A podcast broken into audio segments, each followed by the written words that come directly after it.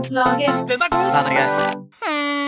Ja, ja, ja, ja, ja, ja. Halloen, kjøttet går, eller lihamene, til våre finske lyttere der ute. God kveld, god kveld, og god dag, god dag. God ettermiddag, god formiddag. Uansett hvor tid du hører på dette her, så kommer vi rett inn i ørene dine fra et ganske eh, varmt eh, element i dag. Jeg vil si kjøttet ikke bare går, men kjøttet steiker i dag. Er godt stekt.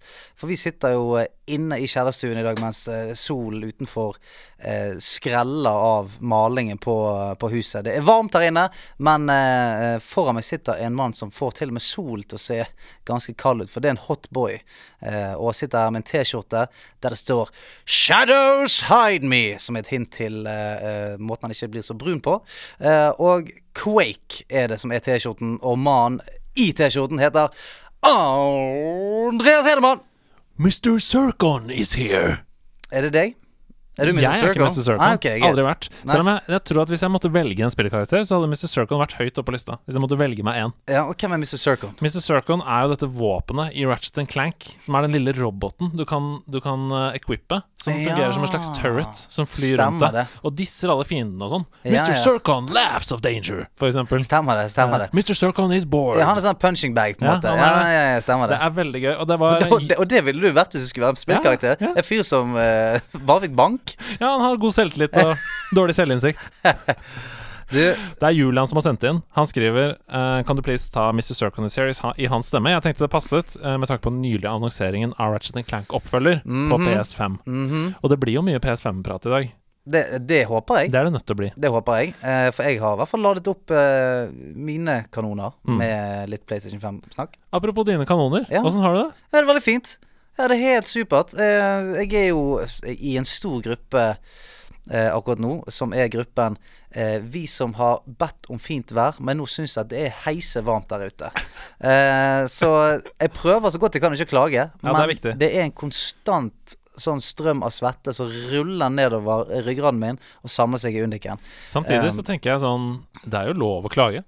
Du kan det- gjøre hva du vil. Ja, men det får nå være måte på. Sånn, For her så, hoi, nå må da sommeren komme. Og så kommer sommeren, så er det sånn Nei, steike meg, nå, eh, nå er jo det umulig å være ute. Ja. Sånn, Så jeg, eh, jeg prøver å ta det med fatning, men eh, jeg sier den siste gang Helvete, det er varmt der ute. Vi Du har da? med, jo da, du, jeg har det fint. Jeg hadde bryllupsdag i går. Jeg vet det, jeg så det du, altså, du Dere var ute og seilte og koste dere. Nei, vi var ikke ute og seilte. Dere Det var var på en seilbåt. Nei, Nei. Vi var ikke det. Løy Jeg, løy du til meg? jeg lurer på om du Kanskje jeg sa at jeg var i en bil da du Nei. ringte meg? Nei, da, du sa 'jeg er ute og seiler med min kone', sa du. Jeg hadde hold, ja. Nei, jeg var ikke ute og Nei, okay. ok. Nei, Jeg, var, jeg var i en Nei, men bil, da- på, da- men jeg var på vei til Ja, det, okay. det våte element. For jeg Ja. var på vei til vannet. Ok, greit. Så, så du må huske på løgnene dine, Andreas. Altså, når jeg ringer deg for å ta, slå av en, Men jeg var ute og kjørte! Når jeg ringer deg for å ta en vennskapelig prat, uh, og du sier Du, jeg er ute og seiler med min kone. Du sitter meg helt offside. Å, beklager. Eh, sant? Jeg skal, kan ringe deg opp med seinere. Men du var altså bare i bil, du. Men mulig jeg sa noe sånn Jeg er ute på vift med Eller et eller annet Jeg er ute og, ute og svinger meg, eller et eller annet. Kanskje jeg dro Jeg husker ikke hva jeg sier. Nei, Men altså, uansett så er en tillit brutt. Men eh, Kort oppsummert. Vi var ute og spiste. Ja. Kjørte til Ulsterudvann. Mm. Bada. Ikke seilte. Utrolig digg. Ja. Å bade, liksom, i så tidlig Jeg føler jo fortsatt det er tidlig. Det var jo over 20 grader i vannet. Det var helt nydelig. Ja, det er helt nydelig. Mm. Og eh, gratulerer. Takk, takk, takk. takk. Dere er som skapt for hverandre. Å, lord! Mhm. Det var veldig hyggelig sagt. Det vil jeg si. Det, vil jeg si. den kom det, siden. er, det er to, to eh, biter eh, av samme puslespillet. De skulle passe sammen. Og sammen blir de et helt bilde. Sant? Hadde jeg fått vært forlover i ditt bryllup, så hadde det kommet sånne her. Sant? Du var invitert! Du kunne vært det. Ja, ikke forlover. Nei, nei. Okay. Nei. Jeg var ute og, og seilte. Det som Med min kone. Det som også Det som også er veldig hyggelig, det er at eh, dagens gjest er på vei. Ja. Eh, og hun, i likhet med en tidligere gjest, er også på vei på en sånn dirigentstokk Ja vel, ja. som ja. er gjort om til hoppestokk. Som jo da er eh, det, nye fartøyet til alle komponister der ute. Mm, alle musikere, alle som driver med musikk, de har da denne De har en sånn hemmelig klubb, litt som eh, de som har den der hemmelige elsparkesykkelklubben. Du vet om den, ikke sant? Nei, har avslørt meg selv nå. avslørt meg. Nå blir du drept. Ops. Ja. Nei, eh, så det, den hoppestokklubben med dirigentstokker, Mm. eh, hun er på vei. Så vi får bare håpe hun kommer snart. Hun heter Marianne Austvik. Mm. Yeah, wow, wow, wow. Hun jobber i Pineleaf Studios, som eh, er på vei ut med et nytt spill. Det skal vi få lov til å snakke mer om. Ja. Det gleder jeg meg veldig til. Men det er noen kortere beskjeder før den tid. Ja, kjør på. Og det har jo skjedd litt av hvert. Eh, det som eh, har skjedd mest av alt, det er jo denne svære pressekonferansen til PS5. Um, Og vi vet veldig mye mer om den nå. Det eneste vi ikke vet, er prisen, egentlig. Ja, det, for det tror jeg de gjør rett i å holde litt tilbake igjen. Inntil Xbox har hatt sin Ja, for det er sånn etter at de viser alt sammen, og folk er sånn Woohoo, dette blir kult! And it costs 1500 billion dollars! sant? Da, da, da tar du på en måte litt sånn brodden av det. Ja. Så, men eh, den kommer til å koste 10 000. Tror du det? Ja, ja, ja. Altså 8999 eller 9999. Ja. For de to versjonene? Med og uten diskdrev? Ja, altså tipper den uten diskdrev uh, Ja, jeg tipper du kan få den for uh, 7899. Ja. Nei, jeg tror vi er nede i 699, altså. Nei, jeg tror ikke. Det blir spennende. Det blir spennende. Eh, vi skal snakke veldig mye mer om dette og hele den konferansen når gjesten har kommet inn. Ja, det er ikke noe vits i å snakke masse om dette Nei, jeg skal si Taperen spanderer PlayStation. Men du eier plutselig et e-sportslag. Ja! Hæ? Ikke det litt artig? Hva skjer? Nei, du, det er helt, uh, helt vilt. Du, eh, Nordavind eh, og jeg, vi, vi flørtet litt sammen for eh, en stund siden.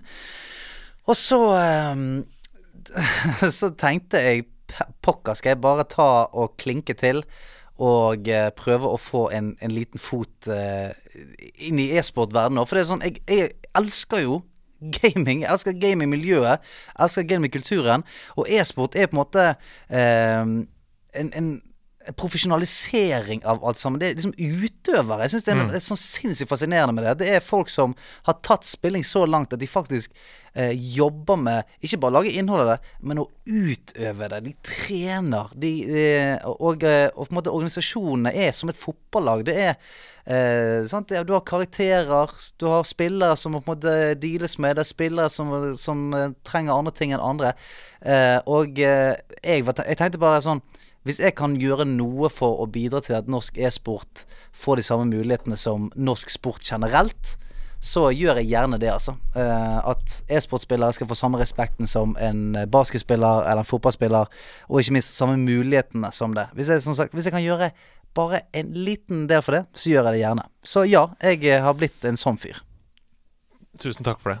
Jo, du Jeg er veldig glad for det. Jeg syns det er dødsgøy.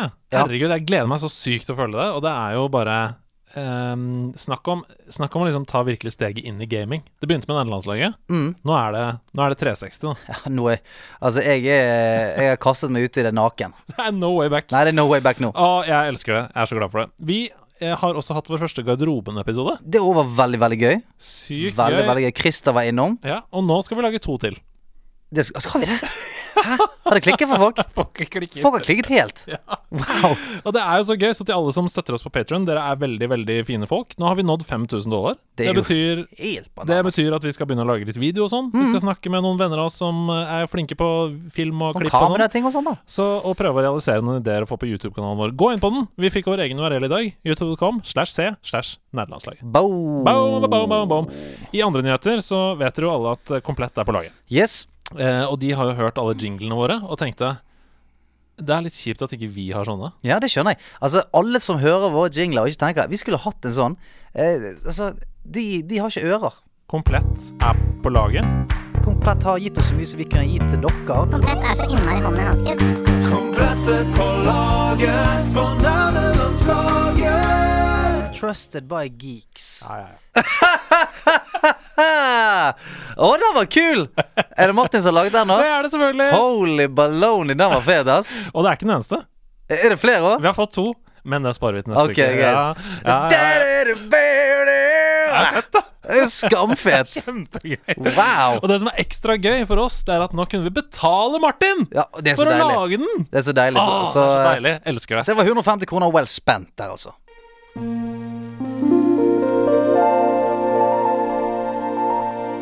Ukens øyeblikk.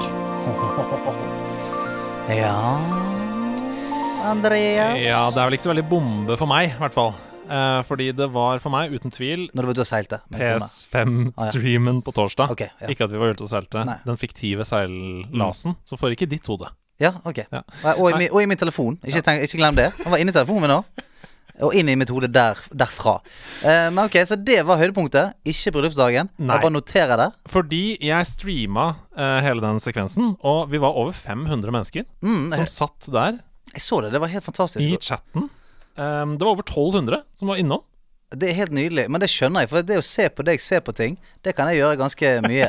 For du mister shitten din. Ja, men jeg var så Ja, gira! ja, og jeg syns det er veldig, veldig gøy. Altså, se på deg se på ting er en av mine favoritter. Nei, så Chatten eksploderte. Det kom høydepunkt på høydepunkt på høydepunkt i streamen. Det var utrolig utrolig fett. Vi skal snakke mer om det som sagt eh, sammen med gjesten. Men nå kan jeg bare ikke vente på Xbox sin pressekonferanse, som skal være i juli. Jeg tror de skjelver litt i buksene, jeg. Tenk, ja, men jeg, tenk så fett de de kan potensielt Det kan komme noe greier der òg, nemlig. Selvfølgelig. Altså, man skal absolutt ikke avskrive dem. Altså, Xbox har kommet med sinnssyke titler opp igjennom, eh, og eh, de, de vet hva de driver med. Det er ikke noe tvil om. Når det ryktes om dagen at Halo Infinite er en slags open world à Ja, ja. la The Witcher. Ja, altså sånn, de, Det er ikke noe tvil om at Xbox vet hva de driver med. Ja, ja, Og, eh, og, men jeg, men, jeg mener jo sånn at designmessig så er jo det Jeg vil si en knockout. Men det, altså, igjen, jeg er jo inhabil, for jeg er jo veldig glad i PlayStation. Jeg er jo jeg er en PlayStation-gutt, så det må jeg bare si. Jeg er veldig inhabil her. Men jeg syns jo at eh, den, altså PlayStation her ser ut som et galaktisk vesen innsvøpt i hvit dress. Eh, og den sier på en måte Framtiden er her. Mm. Mens Xboxen sier egen bokstøtte som du òg kan spille på. Jeg vil gjerne si at uh, Xboxen ser ut som The Powerhouse. No bullshit. Her er det bare ekstremt gode komponenter puttet i en kloss som skal levere varer fra dagen. Jeg syns det ser ut som basselementet til et hjemmekino. Det syns jeg det ser ut som. Oi! Oi, oi, oi. Det er den umiskjennelige lyden av hoppestokkfartøy vi hører der.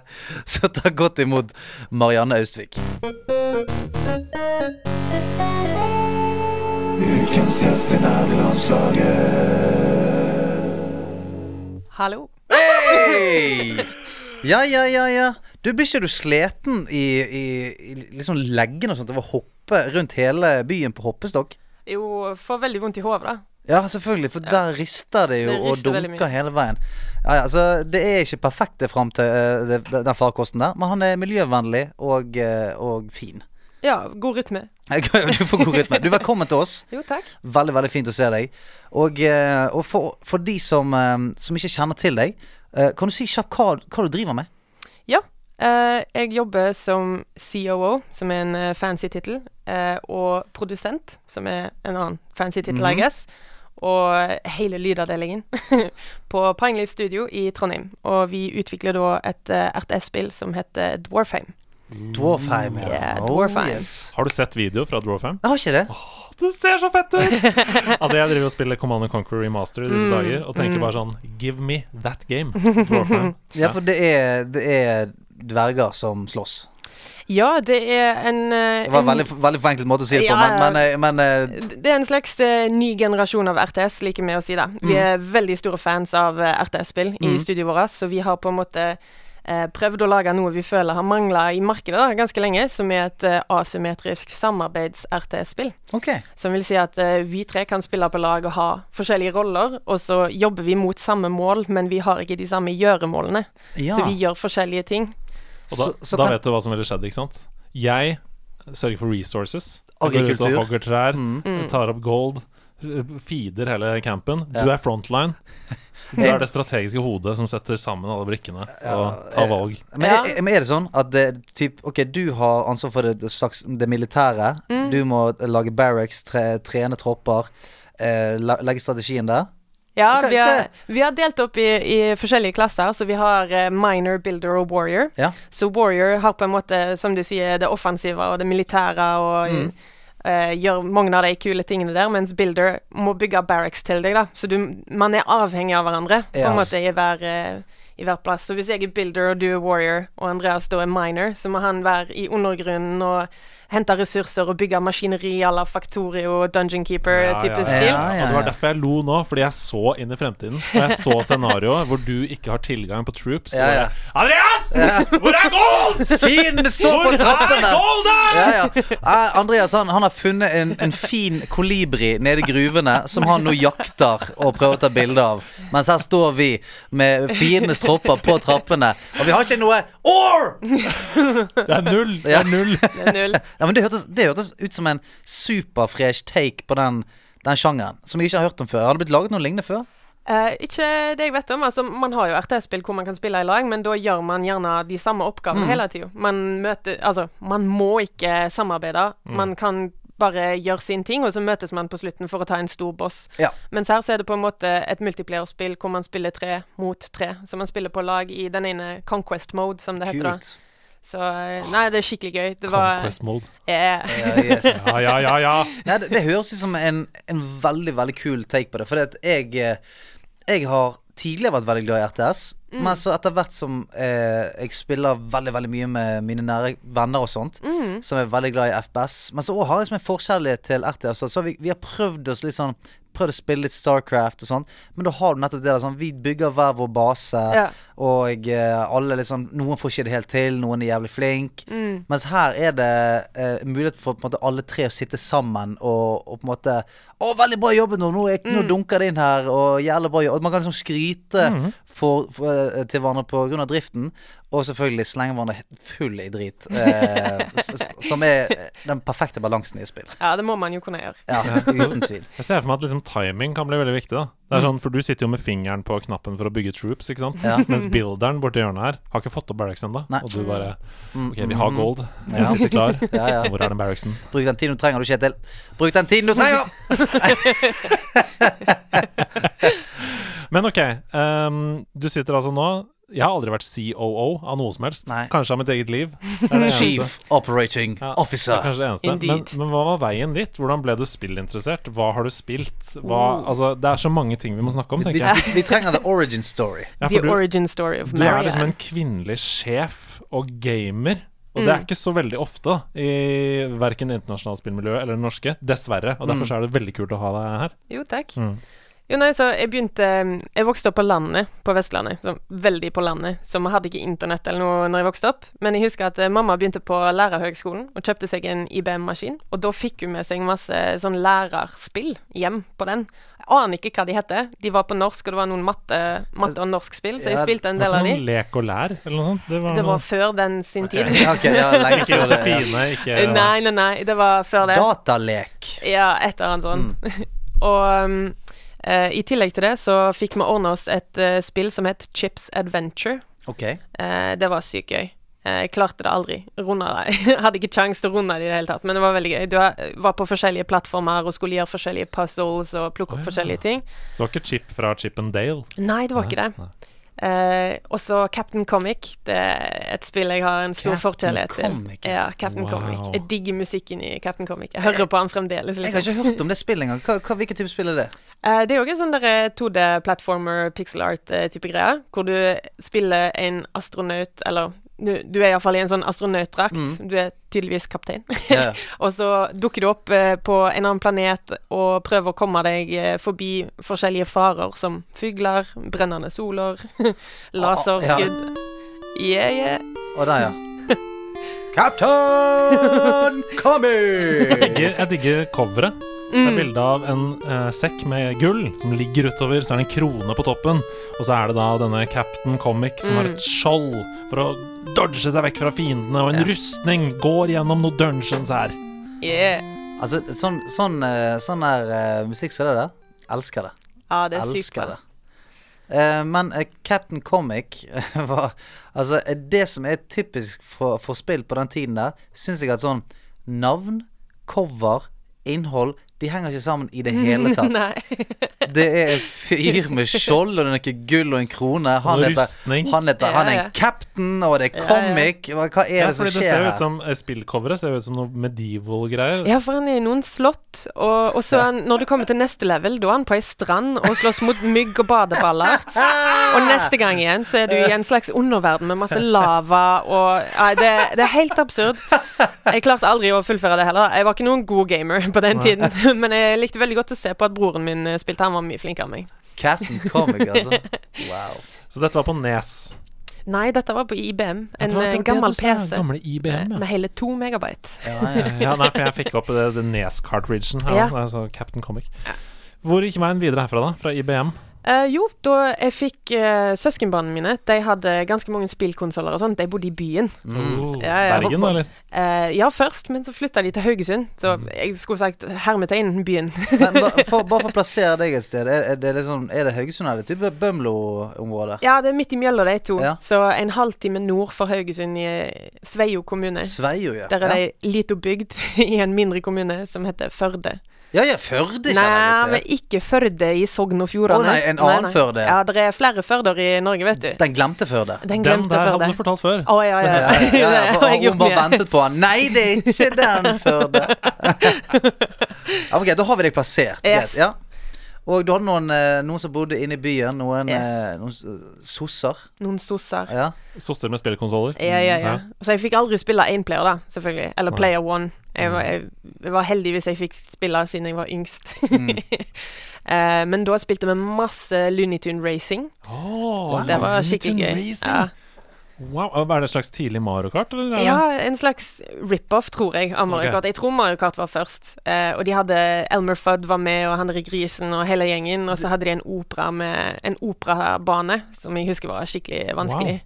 Det høres jo dødsgøy ut. ja, men det, det mener jeg å liksom kunne erindre. For du har masse Du, du kjører over sånne Acme-bokser, ikke noe sånt? Mm. Ja, stemmer det. Også, Nå mm. er det noe som kommer Ja, tilbake til ja, ja. Eksplosjoner og den tasmanske djevelen Ja, ja, ja, og som sånn, kan Ja, snurre. Wow, ja, det var det lagt Å, det lå langt baki der, Ja, ja. det er ligger langt baki der. Langt baki der. Og så en annen favoritt da var jo selvfølgelig Rayman. Åh, Yep. det første. Det var, ja, PlayStation 1. det var skikkelig gøy å spille. What a time to be alive. Yes, Mhm. indeed. Mhm. Så det, det Og var nå er det liksom bare eh, drit som blir laget. Takk, da. Nei. Har dere noen, har dere noen karakterer i Dwarfheim som bare har torso, eh, hode, armer og bein, som ikke er connecta med hverandre? Nei, Sånn som Rayman? dessverre. Nei, for dårlig. Ja. Det, er for dårlig, altså. Vi burde up our game. Oi! No pun bokstavelig intended. Eh, og så var det jo selvfølgelig Begynte på skolen. Vi spilte et Ducktales-spill på skolen. Det var skikkelig gøy. Eh, Den remasteren som kom for ikke så lenge siden, Ja. er kjempebra. Å, den har jeg hatt lyst til å spille, altså. Ja, det er kjempebra. Den er tilbake på Steam nå. Um, Oh, nice. Lisensen gikk ut, men den er tilbake nå. Så for de som ikke har testa det, do it. Sweet. Do it indeed. Mm.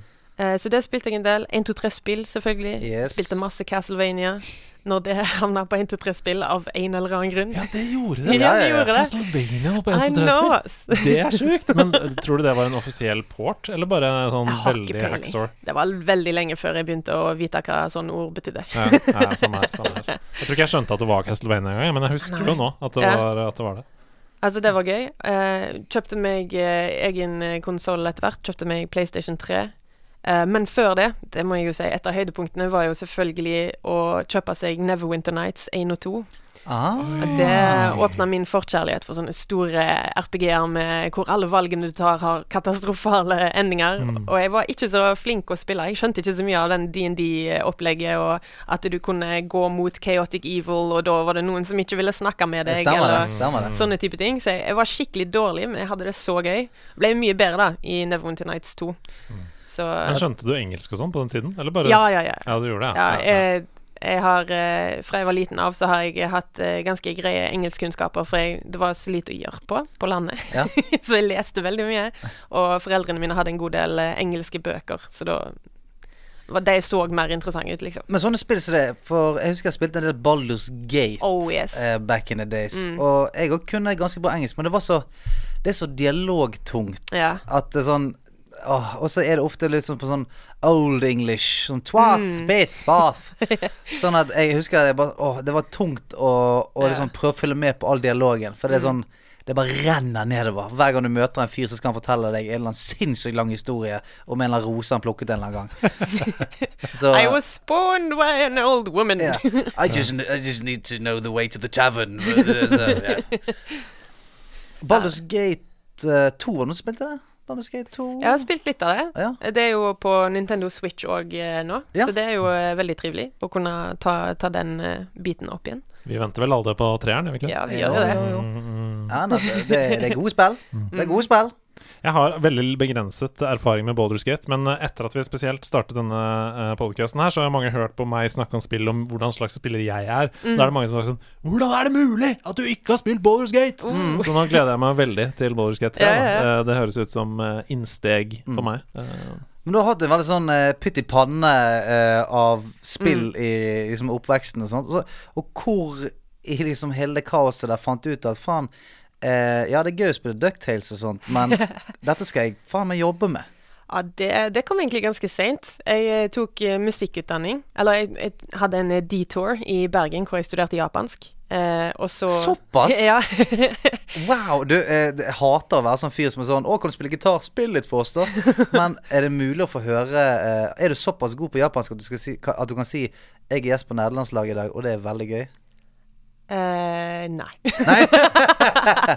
det er såpass mange år siden. Jeg husker ikke Det, det er så eh, Japansk er veldig type språk hvor det å være gjest på en ting er forskjellige ord for Ja, hva sant, du er gjest på. Ja, ja, ja. Så jeg hadde sikkert bare fløya meg ut. Hvordan er det man sier Hva heter det ikke? det? Anata no nama wa nandeska? Hei. Hei, ja. Watashi no namae wa Marianne des. Åh, så, japansk er verdens feteste. jeg blir så varm.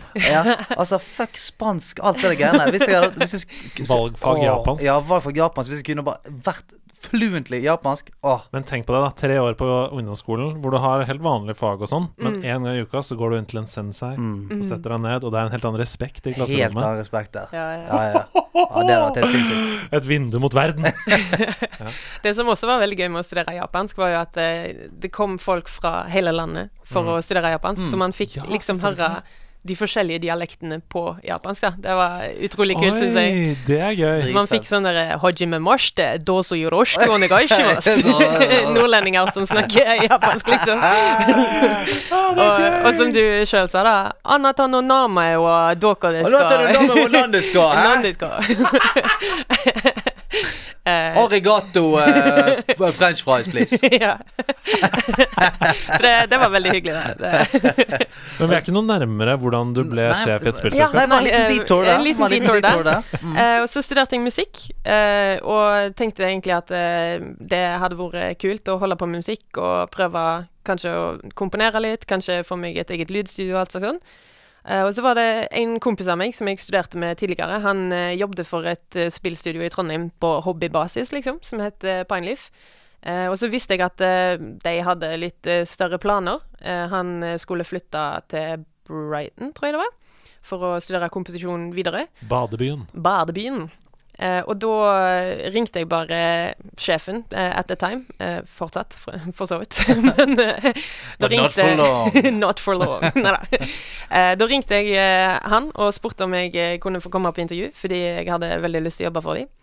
Eh, og så fikk jeg komme, og fikk jobb som lyddesigner. Eh, og så ble jeg da etter hvert audiodirektør, eller egentlig hele lydavdelingen, fordi han andre slutta helt. eh, og så etter hvert har jeg bare tatt på meg mer og mer oppgaver og ansvar, og så har jeg til slutt eh, blitt COO og fått ansvar for å være produsent liksom for eh, Dwarfame, da. Kult. Og vi, og vi, vi har jo hatt uh, en komponist her før. Ja. Uh, og, og jeg har lyst til å stille samme spørsmålet til deg. For det at, uh, når du sier at du, du, er liksom, du er sjef for hele lydsjebangen. Yeah. Er det sånn at altså, hver eneste lyd av en, eh, av en brakke som reiser seg til musikken, til eh, sverdene som klinger, det er det du som måte, bestemmer om skal være sånn det er? ja. Wow. Eh, og så har jeg eh, prøvd å ta opp eh, alle lydene jeg kan. Jeg har fortsatt noen placeholders som er igjen, som jeg skal bytte ut i løpet av produksjonen. Eh, for det er litt vanskelig å, å få tatt opp eksplosjoner og sånn. De, de skjer ikke hver dag. Du kan få nummer til Lotepus. ja. det kan, han kan sikkert uh, hooke meg opp med et eller annet. Eh, så de fleste lydene som vi spiller, har jeg tatt opp fra bånn av og laga sjøl.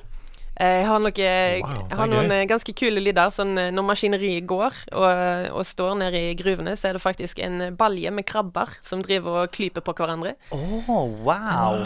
Det er kult. Sånn Folly-produksjon. Ja, Altså, det syns jeg er så fett. Ja, det er det. Når du ser sånn folk som stå, går med sånne planker, og så har Ja, de ja, festa ja. noen noen glasskrukker til de plankene, og så Mm. Hei, Hei, bare for å få én spesifikk lyd som Ja, ja. høres ut som noe helt annet. Det er sånn Ja, det er hjertebanking, ja. Ja. Ja, ja, det er helt riktig. Det er nesten aldri sånn man tror det. Nei. Så jeg har noen trollyder òg, hvor jeg har eh, blanda min egen stemme med Jeg har en corgi, en hund, Ja. eh, og så har jeg lekt eh, med han og fått han til å eh, knurre og grumle og alt slags sånn, og så har jeg blanda de to i lag da for å lage trollyd. Wow.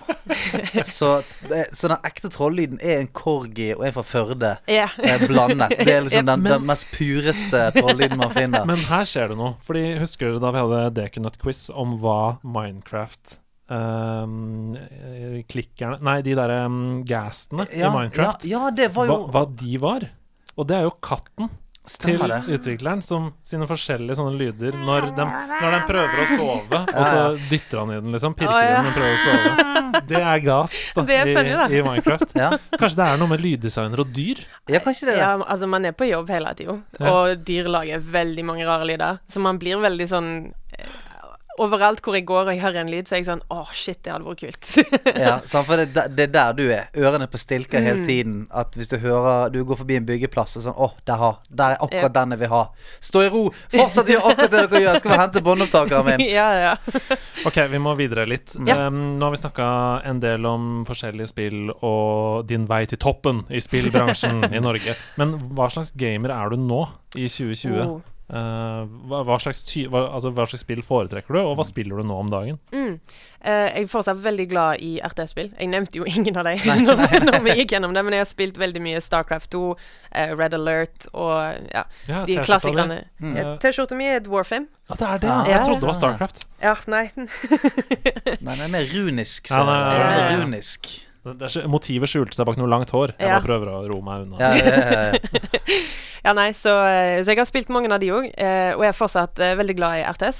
Nå om dagen så spiller jeg en del Deep Rock Galactic med de på kontoret. Ja. Kjempe, kjempegøy spill. Vet du hva, det er kjempegøy, det. Ja, det er det. Altså. De, har, de har virkelig fått til noe skikkelig gøy der, og det er jo multiplayer, dverger eh, ja, det, vi er gode venner med Ghost Ship Games, som er studioet som har laga det der, fordi vi har veldig mange likheter, og så skilles det jo med at de er in space og er FPS, mens vi er RTS i, i en fantasy-verden Mm. istedenfor. Um, så jeg, spiller, jeg har spilt en del Deep Rock Galactic. Jeg har selvfølgelig spilt The Last of Us om igjen, Mhm. fordi jeg gleder meg så sinnssykt mye til Last of Us Part 2. Baby. Jeg vet hva neste episode skal handle om. For å si det sånn. Ja. Eh, og så har jeg selvfølgelig alltid tid til eh, Dragon Age Inquisition. Så oh. jeg syns det er et et skikkelig bra spill. Er det flere vi har vi, vi har hatt flere på besøk som har dratt fram det som et sånn ah, Det er et av de kuleste spillene. Men jeg har pokker ikke spilt Nei, det. det føles som, det føles som eh, For jeg har flere venner som foretrekker Dragon Age og Dragon Age Inquisition. Mm. Eh, og det føles som om den Det er en tredeling. Det var Mm. noen som dro Skyrim-veien Ja. og ble helt frelst og ble der. Eh, og kanskje hadde de et forhold til Oblivion og Morrowind og sånn, men ikke nødvendigvis. Det kan godt hende at Skyrim var det første spillet. Og så var det noen som dro The Witcher-veien Mm. og ble der. Og nekter å spille noe annet nå, og går gjerne tilbake og spiller andre Witcher-spill. Mm. Og Blood and Wine om igjen og om igjen og om igjen, og bare snakker om det. Eh, og så er det den tredje, som er Dragon Age-veien. Mm. Og det kan godt hende at man har spilt alle tre, men man har på en måte sin leir man står i. Ja. Så du står i Dragon Age, da. Jeg gjør det. Jeg har, eh, jeg har ganske mange år i Skyrim også. Ja. Eh, Ganske mange år, faktisk. Ja. for jeg er sånn completionist. Ja, og ja, man, man blir jo aldri ferdig. Du er en, Å, du er en completionist ja, og du kommer til å like noe som kommer seinere. Tease, Oh. tease. Men jeg, jeg, jeg har bare spilt ene Dragon Age som heter Broken eh, Kan det hete det? det? En, en DLC, da. Nei, nei det, er, det er ikke Inquisition. Og det er ikke det Hva kom før Inquisition? Eh, da det het bare Dragon Age 2. Mm. Ja, okay. Og så har du Dragon Age Origins, som er det første. Og jeg tror de har noe på DLC Broken som Age? Jo, det er ikke det For det er et pek og klikk-spill. Nei, nei, nei, nei, jeg, jeg tenker på Dragon Age. Men jeg bare ser for meg cover som er sånn det er rødt og noe Ja, det er som regel det. ja. Men Inquisition er ikke det med en jævel som står på en måte oppå en topp av et eller annet, og så er det noen som åpner seg i himmelen? Ja, stemmer det. Eh, men ja, jeg har spilt Dragon Age, og jeg syns det var dritfett. Eneste som jeg uh, Jeg trodde Altså, det, var bare forventningsbrudd, for jeg trodde det skulle være på en måte eh, en slags action, uh, Ja, realtime-greie. sånn, ja, ja, ja. Og så er jo det mer en sånn styr, styr folk der du skal. Eh, Ja. Du må bort der, du skal slå han. Ja, for det kan man velge å gjøre. Men, Kan du det, ja? Ja, ja. For jeg, jeg bruker nesten aldri tactics mode. Jeg gjør det noen ganger, selvfølgelig. Boss fights og Mm. sånne ting, så er det supernice å ha liksom plassere folk ut eh, på kartet og si hva de skal gjøre og sånn, men som regel så setter jeg bare opp prioritetssystemet på de karakterene jeg har med meg. Du skal heale. Du skal, Ja, ja, mm. Og så følger det de prioritetene nedover, og så kjører jeg bare midtløp og kan være eh, rogue og bare stå frontline og eh, slå løs. Fett, fett, fett. fett. Eh, hvor eh, var vi? Jo, Vi vi hvilket- spiller om dagen. hvilket- Nei, hvilke type spiller? Kom vi, til, kom Ja. vi til bunns i det, egentlig? Hvilke Jeg tror vi har det. Det er en blanding av RTS og RPG. Ja, jeg tror det, altså. Ja. Ja. Det er en digg type spill. Ja, det er det, altså. Det må jeg bare si. Men i fantasyverden lik, liker du det skal være drager og magi og det der greiene der? Jeg syns det er kjempegøy, men altså In space er også skikkelig kult, liksom. Man kan gjøre utrolig mye med forskjellige planeter og, og den type greier, så Mass Effect også er kjempekult. Nå skal jeg være helt ærlig og si at jeg har bare spilt Andromeda. Oi, du, du, du gikk for den beste først? Ja. du, gikk for Magnus Opussen først? uh, så eh, jeg har definitivt litt å ta igjen der. Eh, men jeg syns Andromeda hadde noen uh, nice moments. Det var ganske fint. Men jeg føler også man kan se hvor teamet ble delt i to, og Ja. noen ble dratt ut for å spille og videreutvikle Anthem, Mm. mens resten av eh, juniorene da satt igjen og, og måtte prøve å fullføre noen andre sin visjon. Og det tror jeg kan ha vært ganske vanskelig. da. Ja, shit. Det er så digg eh, perspektiv. Fordi Ja. dette er noen som sitter i et spillselskap og lager spill selv, som kan se det fra den siden. Jeg har aldri tenkt på det på den Nei. måten. Jeg har bare tenkt ok, det var noen face-animasjoner her som var litt dodgy. Eh, Mm. Ja. Men du ser på en måte hvorfor, da, føler jeg. Ja. Ja, for, for vi kan tenke sånn Og her bare ga de opp. Ja. Det var sånn, her var det sånn Etter det fjeset så var det sånn Nå gidder jeg ikke å lage mer fjes. Nå er det nok animasjoner. ja, ja, det er det siste fjeset jeg gidder å animere. Få det ut. Få det ut i butikken. Men hva spiller du nå, da? Det er jo det naturlige oppfølgingsspørsmålet. Nå i disse dager. Ja, nå i disse dager. Altså, det er selvfølgelig veldig mange timer av dagen som går med til Dwarfame. Ja, og beta-testing, og mm. alt mulig sånn. Og det, det så jeg fordi eh, for, for noen måneder siden, eller før jul i, i fjor, så begynte jeg å få en sånn derre Holy shit, dette syns faktisk jeg er kjempekjekt å spille. Og det er liksom det er et produkt du har vært med å lage Ja, sjøl, så det var så en veldig kult. sånn merkelig følelse. Det var, det var skikkelig gøy, egentlig. ass. Det er en Så- kjempegod følelse, Ja, det en og det kjenner kjenner jo vi sikkert også igjen også fra vår bransje. Hver gang man lager noe som man er skikkelig fornøyd med, Mm. eh, så kan man høre på det igjen, eller se på det igjen, og, være liksom, og, like det som en nøytral tilskuer. Ikke for å høre eller se seg selv, Nei. men bare fordi man tenker sånn Dette er bra underholdning. Ja, Ja, ja. Og så er det så stor forskjell på det der å lage, lage noe som sånn Dette er bra eh, fordi at vi vet at folk kommer til å like det. Mm. Altså Det er jo en sånn kynisme i det å skape noe. Sant? At OK, jeg lager denne sangen her, for den kommer til å funke. Yeah. Det, er en, det er en hit. Jeg syns ikke den er så jævla bra, men folk kommer til å danse til den. Ferdig. Og du er jo tydeligvis på det punktet der du er sånn OK, dette kommer folk til å like, men faen, jeg liker det, jeg òg. Jeg jeg, ja, tiden. jeg kommer til å kjøpe det spillet, jeg òg, liksom. Og det yeah. er, det er veldig, veldig kult. Hva spiller du om dagen da, Andreas? Du, jeg har faktisk ikke fått spilt så veldig mye siden sist, fordi vi har jo steppa opp eh, dette Patron-gamet vårt og begynt å lage masse, masse mer innhold, så jeg bare sitter og lager Sidequest og streamer og holder på, jeg. Og så har jeg bryllupsdag og sånn. Men jeg har jo fått knatta noen flere timer i Command and Conquer Remastered, og det er jo dødsgøy fortsatt. Yes. Uh, har prata nok om det, så det, jeg kan komme litt tilbake til det når jeg på en måte har runda det, kanskje. Ja. Så kan jeg komme tilbake til det. Um, og så har jeg jo blitt um, Det er jo Camilla som spiller Animal Crossing hjemme hos oss, hovedsakelig. Og hun har en helt insane øy. Altså, den er så vill.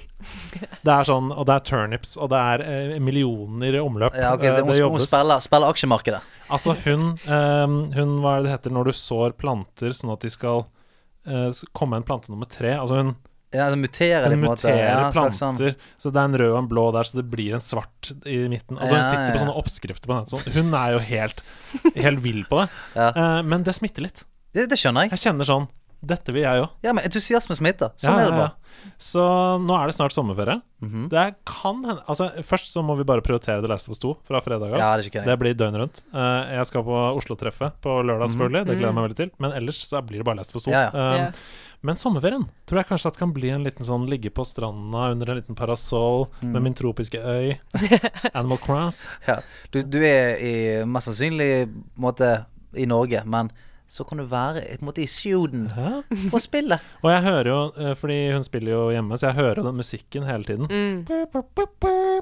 Og det er så koselig.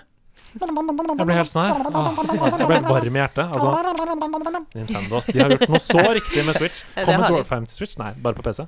Uh, bare på PC. Bare på PC. Ja. Ja. Uh, men da får du få deg en bærbar PC, da. Ja, for Du som hører på. Ja, Men ta med på sånn, jævlig, jævlig lang ledning. Ja. Ja. Kjøp deg en sånn trommel. Ta det Ja. på hotellet. Ja, med deg, da blir polis. Du, jeg spiller eh, Jeg, jeg er jo veldig glad i å, å skyte. Mm. Så jeg eh, spiller Jeg har spilt en del Valorant. Uh, og så har jeg spilt uh, Børse støv av Apex Legends. Og så har jeg spilt uh, litt Heartstone, bare for å teste ut den nye Battlegroundsen. Det har jo kommet nye kort der. Ja, ja. Jeg har spilt masse Battlegrounds, det må jeg bare si. Ja. Og Hearthstone. Ja. Som, eh, som er veldig gøy, for der har vi det i hvert fall siden jeg begynte å spille igjen, har vært liksom de samme kortene og den samme kalde meteren. Nå er det noen kort som du kan få som er sånn OK, han har det kortet, fuck. Eh, mens nå har de gjort noe interessant med det, så jeg syns pusher det i en ganske kul retning. Det kom til ny, et nytt sett med kort, og så er det også sånn at hver runde så er det eh, en kortgruppe som er eliminert. Som òg eh, jazzer opp eh, spillet på en helt ny måte. Og så noen, nye- noen nye heroes med kule hero powers. Så det har jeg kost meg med. Og så har jeg selvfølgelig gjort min eh, daily dues med daily quests i wow. Så eh, Det ja, hard week's work. Vi skal videre. Jeg må bare si at den nye Pirate Heroen i Hearthstone, i Battlegrounds, fullstendig broken. Ja, for han kan grave opp golden cards. Altså Ja, ja. fullstendig broken. Den er tier one på alle lister, og den er langt til neste. Nå, og det koster bare én coin å grave? Ikke sånn? Jeg har gravd mye og fått mye golden cards. da, Altså, sånn. og du kan, du kan bare eliminere en av dine gamle enemies, og så Nei, the allies, altså kort, Ja. og da discover et kort fra tieren under. Og du kan jo bare triple og triple og triple, og det er bare Ja, det er broken. Tulleri. Broken. Eh, Det kommer nok til å bli nerfa, så get them while you can! Get that rating. Men dere, eh, til vanlig nå så ville vi gått videre til vår favorittspalte, nemlig Ha med dag. Mm. Men det har skjedd noe siden sist, og det heter jo PlayStation 5, den konferansen. Så det jeg har gjort nå, det er at jeg har valgt ut uh, Av alle de sinnssyke spillene som er organisert, lansert, så har jeg valgt ut en liste. Som jeg bare tenkte jeg kunne si sånn Som folk kan kaste seg på Ja, hvis ja, de har ja, noe de føler rundt de forskjellige Get. spillene. For det første, vi snakka litt om konsollen innledningsvis. Mm. Hva syns du om den? Syns du den er fin? Syns du den er Jeg, stygg? jeg syns den ser ganske fin ut, ass. Mm. Eh, og så har jeg, jeg så eh, et bilde på Twitter av eh, noen som hadde tegna et eh, anime-hode på den. Sånn at det så ut som det var kragen som, som gikk opp, og det var incredibly fitting. så Altså, det er noen memes der ute. Ja. Det er altså, noen det er memes. noen memes der ute. det er well deserved. Men, eh, men jeg syns den er ganske sexy, ass. Ja. Ja, jeg syns også den er veldig flott. Jeg håper at den kommer i svart. Gjør du det? Ja. Ja, men jeg syns det, det Jeg liker bold moves. eh, og jeg Ja, ja, den er at ikke stygg, jeg syns den er fin, men Ja. jeg er en black man. Ja, ok. Hvis det er lov å si. Men jeg syns at uh, Jeg liker bold moves, og de har liksom gått for den uh, sånn Siden PlayStation 1 så har de gått for den der mørke, svarte, ensfargede stilen hele veien. Liten, lite sølvpreg på PS3-en, eh, mens nå går det på en måte en helt ny. Nå er det, liksom, nå er det hvitt og blått. Eh, og jeg- Sci-fi. Ja, sci-fi. Men jeg, jeg føler at det er bare sånn Shit, nå er det Dette er aliensene som har laget. Jeg liker godt den blå stripen med lys. Den liker jeg godt. Altså. Ja, Den den liker den liker du Ja, for. Tidligere så var det jo aliens, de var grønn og svart. Ja. Så det var svart design med grønne lys, og så kom den blå stripa på PlayStation 3, og så har det bare blitt mer og mer sånn der stilistisk Alle alien-filmer og liksom sci-fi-type greier har blitt mer og mer stilistisk, Mm. rene, ingen knapper, ingenting. Bare hvitt, minimalistisk Ja, ja. og blått. Ja, for, men eh, eh, sånn svart og grønt, da tenker jeg sånn Dette er slemme aliens. Ja, ja, ja. Hvis, de, hvis de skyter med sånn grønn eh, laser, det er sånn Wow, det er Ja, du er slem, ass. Ja, det er ikke bra, ass. Mens, mens det er sånn, eh, sånn hvitt og blått Ja, da det er de på sånn, laget vårt. Ja, de er sånn, de er sånn sofistikert eh, gjeng, liksom. Høy intelligens. Ja. De vet mer. De trenger ikke slåss, fordi Ja. de vet de er så opplyste. Ja. De vet Du er på en mer. måte en villain istedenfor en kjeltring. Åh, Ja. Ja. nå er det god. Villain! Vi begynner på lista. Jeg har begynt med Astros Playroom. Denne lille roboten som har vært et ja. eh, VR-spill hittil. Som jeg vet ikke om nå også skal være VR, for jeg så nesten ingenting om VR på den Nei. eh, Nei, ikke heller. Hva signaliserer det?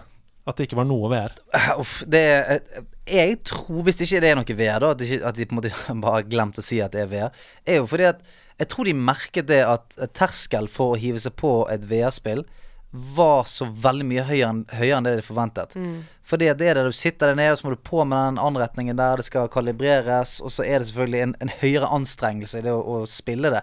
Så jeg tror at de bare skjønte at ok, det var kult, la oss gå tilbake til tegnebrettet og prøve å komme opp med en, en, eh, en bedre versjon om noen år.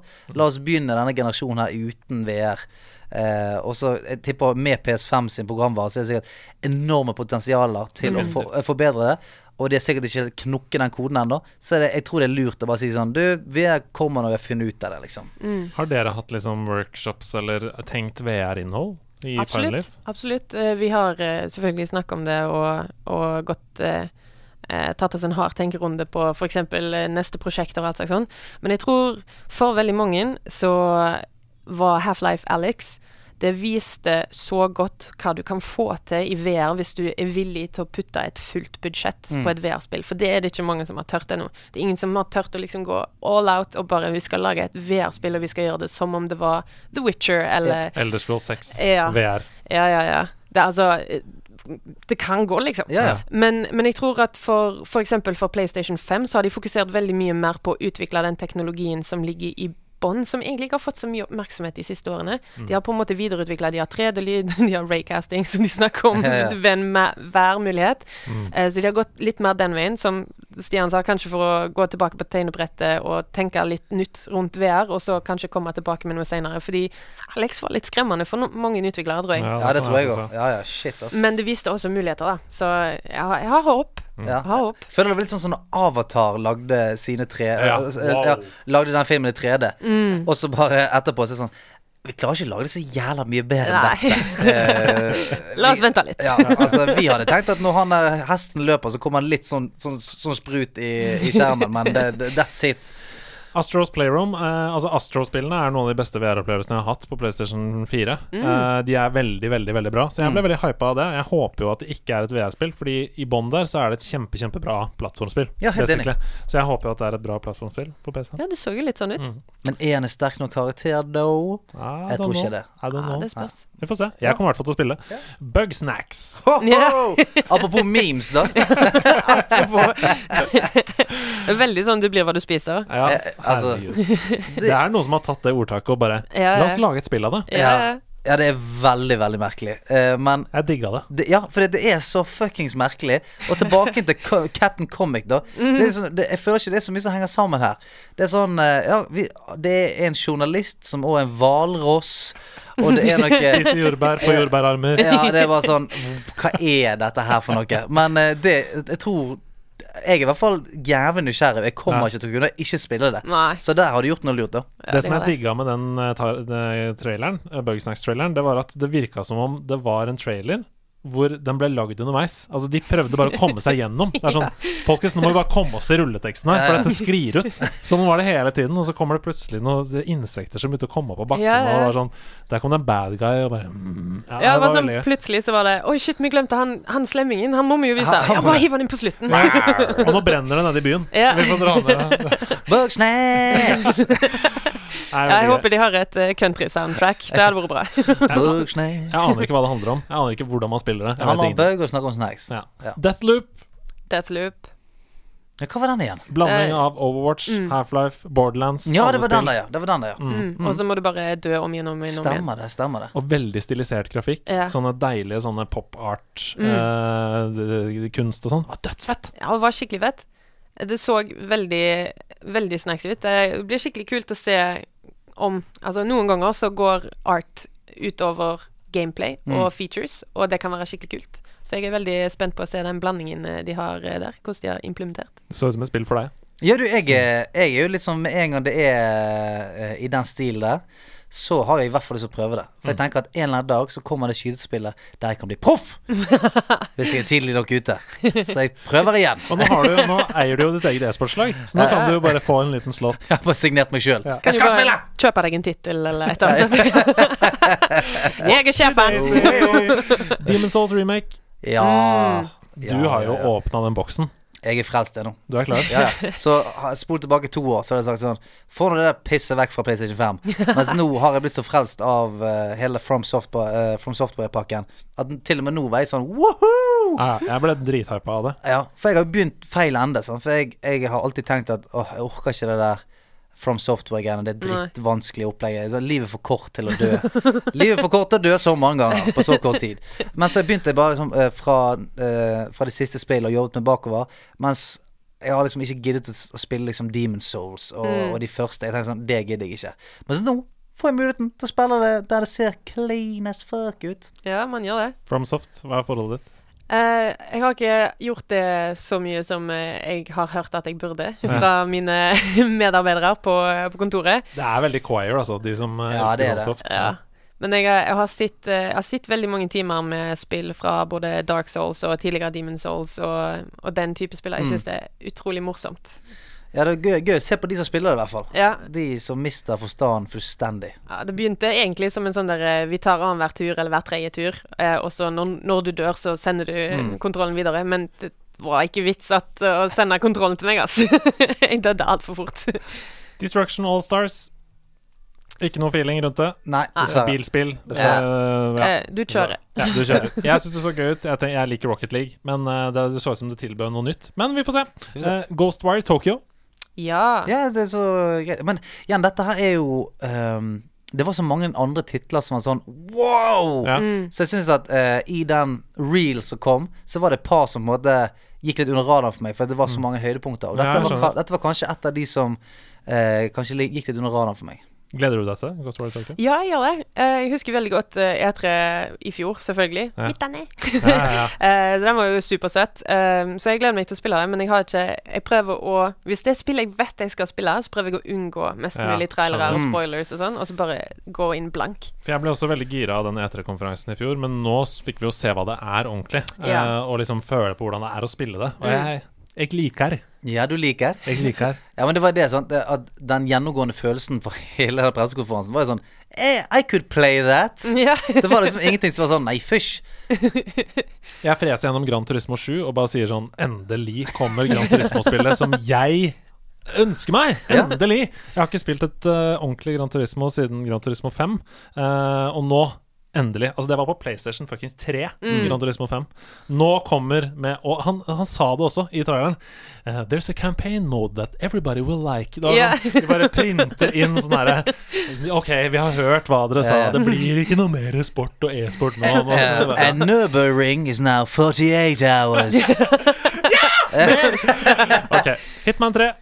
Ja, ja. Kjempe. Dødsfett. Ja, dritfett. Det så skikkelig kult Åh, jeg får gåsehud av å snakke om det. Så, så det, var så, det var akkurat så classy som Hitman alltid er. Ja, det hadde riktig stemning, ass. Skikkelig riktig stemning. Ja, ja. Du skal drepe han fyren her. Du har 45 måter å gjøre det på. Yeah. Get to town. Go classy. Ja, go classy, go classy. Og gåsehuden fortsetter selvfølgelig inn i Horizon Forbidden West. Oh, Yes. yes. Dette var jo en av de uh, wow-øyeblikkene som for meg. Herregud. Da var det tårer. Ja, det var det. Det, var det. det var sånn Shit, faen så bra. For det, det, du tenker jo ofte at eh, Ja, jeg håper det kommer, men så tør du ikke å håpe på det. Og når det kom, så var det sånn OK! OK, vi er i gang. Nå Da, jeg det. tipper akkurat da det kom, så tipper jeg Komplett sine pre-order-knapper gikk i varme. Yep. Eh, det satt jeg og tenkte på, faktisk. Eh, For dagen etter så var det sånn Uh, De gikk jo ut med en annonse som var sånn Nå kan du pre-order. Jeg bare føler at det, ja, den serveren ble overbelasta. Mm. Har du spilt det første? Zero Dawn? Jeg har spilt litt av det. Mm. Mm. Jeg syns det var utrolig fint. Mm. Men jeg, jeg ble så opphengt i um, måten de har laga spillet på, så jeg måtte jeg, jeg gikk ut og gjorde en del research på liksom lyden og liksom grafikken, hvordan de bygde opp spillet, og så glemte jeg å ta det spillet opp igjen og fullføre det. Ja, ja. Men er dette uh, va- et vanlig hinder? For mange sku eh, skuespillere, regissører og sånn sier jo det. Jeg klarer ikke å se film lenger, fordi jeg ser bare Jeg prøver bare å tyde sånn, hva er det de har gjort her. Ah, nei, men jeg, jeg elsker det. Ja. Men uh, det, det er nok et hinder, særlig med lyd og sånn. Eh, så vil det være sånn der Å, nå ble jeg så opphengt i det at jeg, må, jeg må bare ta en liten pause og finne ut av det. Eh, men jeg syns bare, bare det er gøy. Vi skrur opp tempoet litt. Ja. Jeg bare drar litt gjennom, så Yep. må dere si stopp hvis det er noe Mm. dere vil snakke om. Hvis dere, hvis dere har lyst til å eh, si at dette var dritbra, så si mm. Hvis dere ikke, så ikke si noen ting. OK? Ok. Kina, Bridge of the Spirits. Little Devil Inside. Mm. Oh. Hva har du så å si? Mm. Det så så kult ut! det så det var så sinnssykt bra artstil, og de hadde fått liksom det var, det var humor i traileren. Du fikk lov til å gå rundt og pounde monster Eller, det kom ut feil, men Nei, nei, nei. du fikk iallfall slåss mot ganske mange kule monster. Det var så mye norrøne figurer, som, Ah. eller ikke norrøne, jeg mener mytologiske figurer, Ja. som du Mm. kjente igjen, og liksom der er en sånn og der er en sånn. Jeg syns det så amazing Det ut. Gleder meg. Oddworld, Soulstorm. Yes. Mm. Eh, Nytt Abe-spill! Yes. ja, ja. Stakkars Abe. Stakkars Abe. Stakkars Abe, er så glad i henne. ja. Så du at han holdt på å klippe, holdt på å klippe teipen i den siste framen? Mm. Åh, OK. Ja. Project uh, Athea. Kom. Ratchet and Clank Rift Apart. Yes. Er det mulig? Captain Quark. Altså, det spillet Ja. Åh, Snakk om å starte med bare helt sinnssyk uh, de la lista høyt. Altså, du, du, du kommer inn i Ratchet and Clank, og det står liksom 'Captured in gameplay engine'. Bare, Mm. okay. og det er rifts, og de time traveler fram og tilbake, og det er Det så helt sinnssykt ut! Ja, jeg vet. Jeg, vet. Altså, Ratchet Resident Clank, som alltid har vært et gøy spill, er jo nå bare sånn Å, helsike! Nå er jo det Nå er jo det et voksenspill òg. Ja, og den Ratchet Clank remasteren som kom uh, nå nylig, el elska jeg. Mm. Spilte det, koste meg masse med det, men dette så ut som et must buy Ja, Ja, uten det, tvil. absolutt. Uten tvil. på release, liksom. Yeah. Holy. Resident Evil 8 Village. Oh, shit. Ja, ja, ja, ja. Chris Redfield. Altså, jeg elsker jo Resident Evil-spillet. Jeg, Mm. eh, jeg klarte ikke å komme gjennom syveren, for jeg Jeg har aldri vært så redd før. Oh, ja. Altså, jeg har aldri vært så redd Altså, Det var ikke det at jeg ikke klarte det, men jeg, altså, jeg var helt knust. Det var helt uaktuelt for meg. Ja, jeg tror Aldri. jeg, kom vel meg Jeg tippa en seks-syv timer inn, og så var jeg, jeg var helt svett. Mm. Altså Hver gang jeg tok det opp, så måtte jeg være sånn Jeg måtte slå meg sjøl på brystet og si sånn OK, come on, du er ikke en liten pingle. Come on, kom deg inn der. Og så etter sånn to timer sånn jeg, jeg, jeg er en pingle. Jeg er en liten pingle. Jeg må skru det av. Og jeg er stolt av det, faktisk. Ja, ja. ja, for jeg merker bare sånn Jeg var, jeg var livredd for alt. Hvis jeg, jeg bare, hvis jeg skulle plukke opp en ting, så var det sånn Nå kommer det! Faen, jeg, Ja. skal jeg plukke det opp? Hvis jeg plukker det opp, det kommer et eller annet shit gjennom det vinduet. Jeg sverger på faen. Brukte ti minutter på hver ting jeg skulle plukke opp. Så jeg var jo helt knust etterpå. Sackboy A Big Adventure. Det så veldig gøy ut. Elska det. Super Mario 3D World fikk jeg assosiasjoner til. Ja. av det. Eller Odyssey, egentlig. Ja, men det virker som de har tatt noen De har, de har prøvd å nå pushe noen sånne her uh, karakterer litt lenger fram. Mm. Altså sånn, det, er ikke, det, er ikke, det er ikke Little Big Planet lenger, hvor det, men nå er det Sackboy. Ja. Og samme som han Astrofar. Mm. Astrobot, ja. ja, ja. Astrofar. At nå er det sånn Ja, greit, nå får du Altså, de prøver også De prøver å pushe noen nye Crash Bandicots og Spyros Mm. eh, inn videre.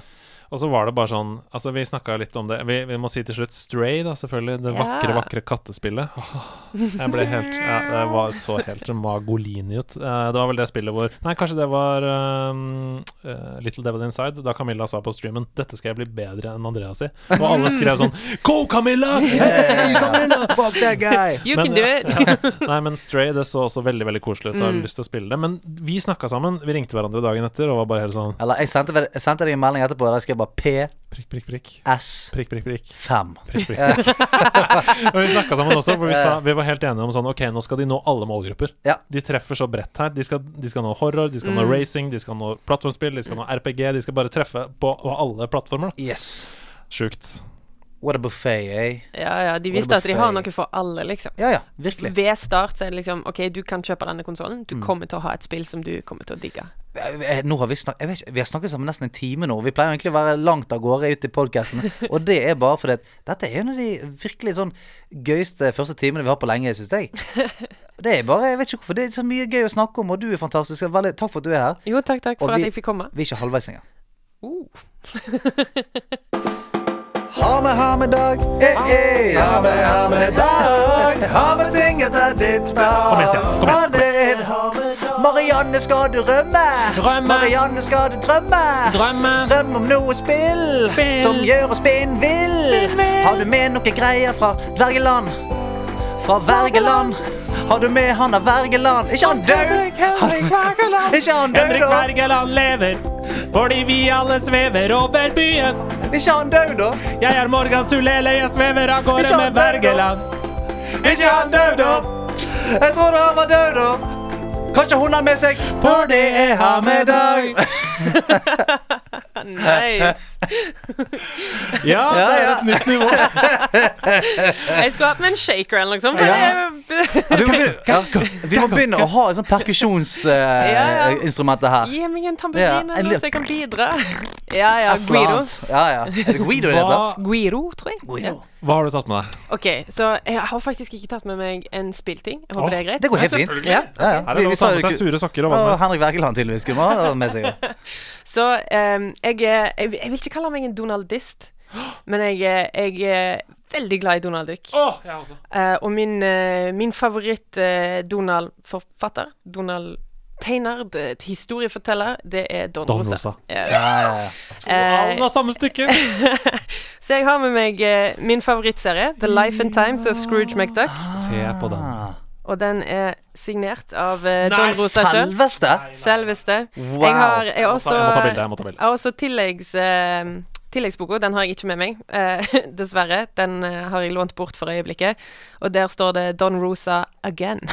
Det er gøy. For da, da var du der en, en, en annen gang. Eh, nei, nei, jeg hadde Han med meg begge to. Okay, Han signerte begge to i en Ok. gang.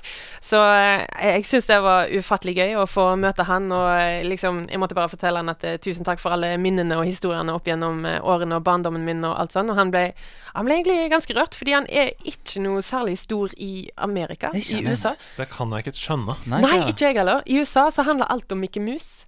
Å, wow, Det er ja, Mikke som er greia. Donald er stor i Europa og Tyskland og Norge og litt Skandinavia, men i USA så har jeg hørt en trist historie om at han liksom sitter for tomme rom der på Comic-Con og sånn. Fordi at alle skal ha Alle, alle vil ha Mikke Mus og andre ting, så han, han har ikke lange Nei. køer på Comic-Con. Det kan jeg ikke forstå. Det Fordi jeg er det tristeste jeg har hørt. Don Rosa-tegninger og Don Rosa-historier, hver eneste lille frame uttrykker så mye. Mm. Yes. Du kan sitte og se på en, og spesielt åpningsbildet, da. Det er jo Mm. alltid veldig, veldig Alltid eh, liksom en sånn stor, en stor um, Hva heter det? Det heter noe spesielt, men du har en sånn half page. Hvor han på en måte gjemmer signaturen Ja, ja. sin og sånn. Og du kan sitte og fordype deg i det bildet så lenge. Og noen, Mm. av, altså, noen av mine sterkeste minner fra oppveksten er Don Rosa-historier. Absolutt. Samme, At det skal være så vanskelig å være profet i eget land. her. Ja. Ah, ja. Nei, det, det er helt sykt. Så eh, Hvor, det, hvor, hvor møtte du han? Og når møtte du han? oh, det var eh, ett eller to år siden, faktisk. Ganske Ganske nylig. Eh, og han var på Outland i Trondheim, for han er visst innom Norge sånn semi-årlig. årlig. Det hadde jeg også vært. Ja, ja, ja. Så så stjerne der. Ja, ja, ja. Så jævlig kult. Ja, det var, det var skikkelig gøy, ass. Hva er det med Don Rosa-historier som er så viktig? Vet du, eh, jeg, har, jeg har lest litt om, eh, om Don Rosa og prosessen han gjør rundt ting. Eh, og han bruker ganske mye tid på research. Så når han f.eks. lagde disse historiene om aztekerne og den type greier, så gjør Ja, han veldig mye research først. Så veldig mye av det du leser, selvfølgelig dratt inn i en Disney og Donald-type greier, så det er litt overdrevet og sånn, men veldig mye av det har basis i fakta. Eh, og det syns jeg er veldig kult, i tillegg til at det er så intrikate historier, samtidig som man alltid har liksom en liten historie med noen mus eller noe sånt som foregår Ja. i bakgrunnen.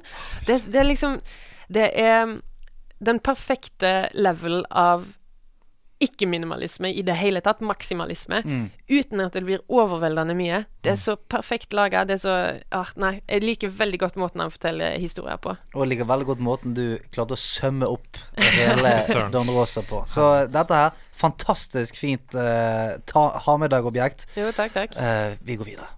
Mario eller Mordor? Mordor, Mordor.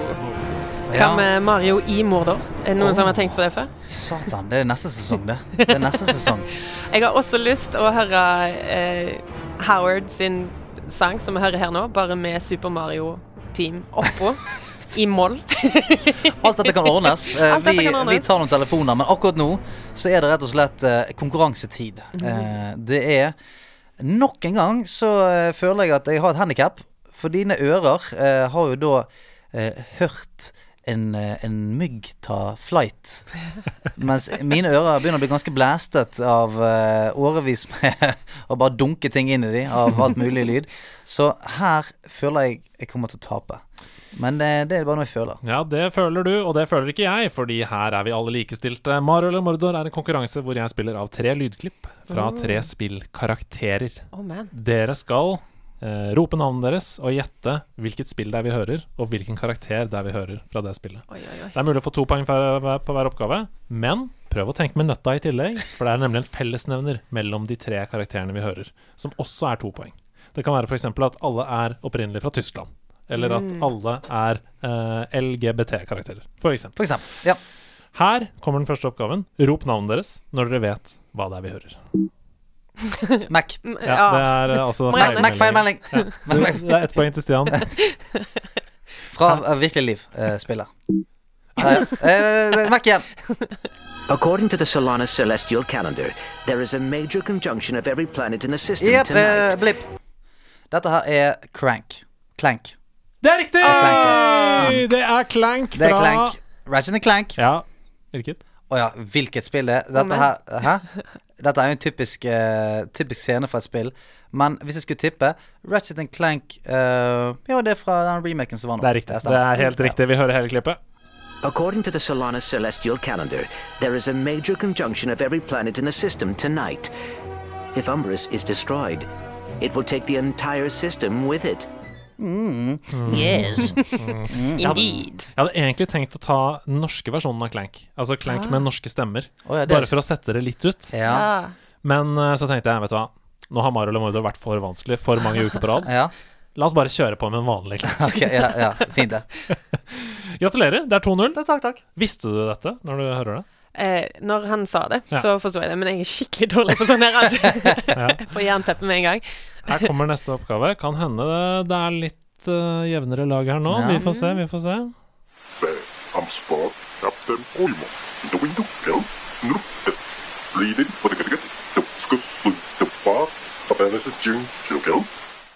Å, jeg føler jeg burde vite det, altså.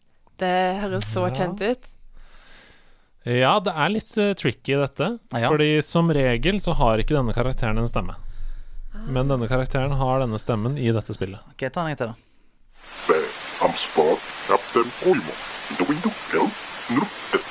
Bleeding, get the Jeg kan opplyse om at det er ikke dårlig kvalitet. Det er en foss i Ja, bakgrunnen. ja.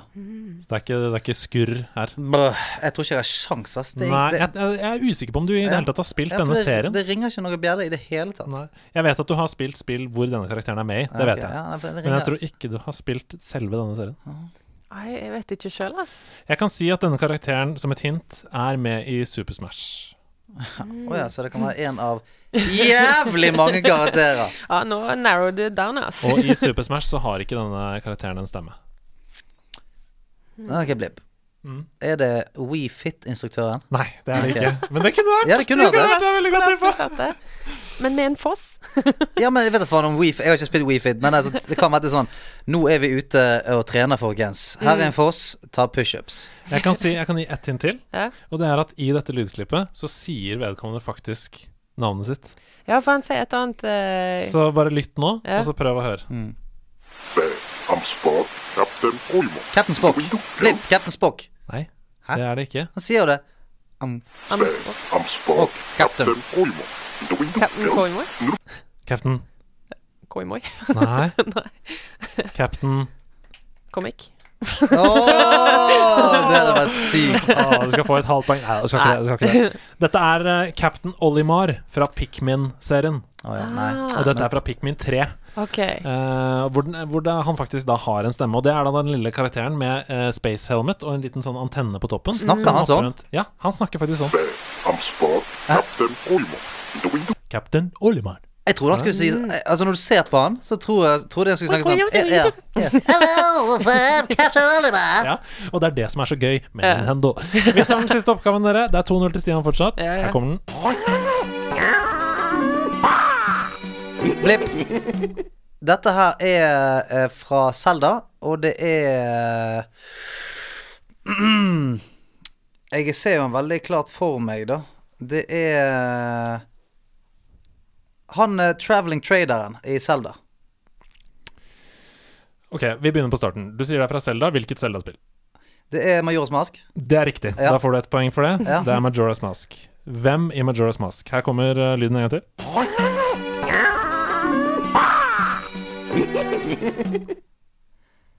Er det, det, er det traderen? Nei. Ja, men jeg føler det. Det er, det er sånn traveling masketrader. Å ja, han, ja. Ikke det?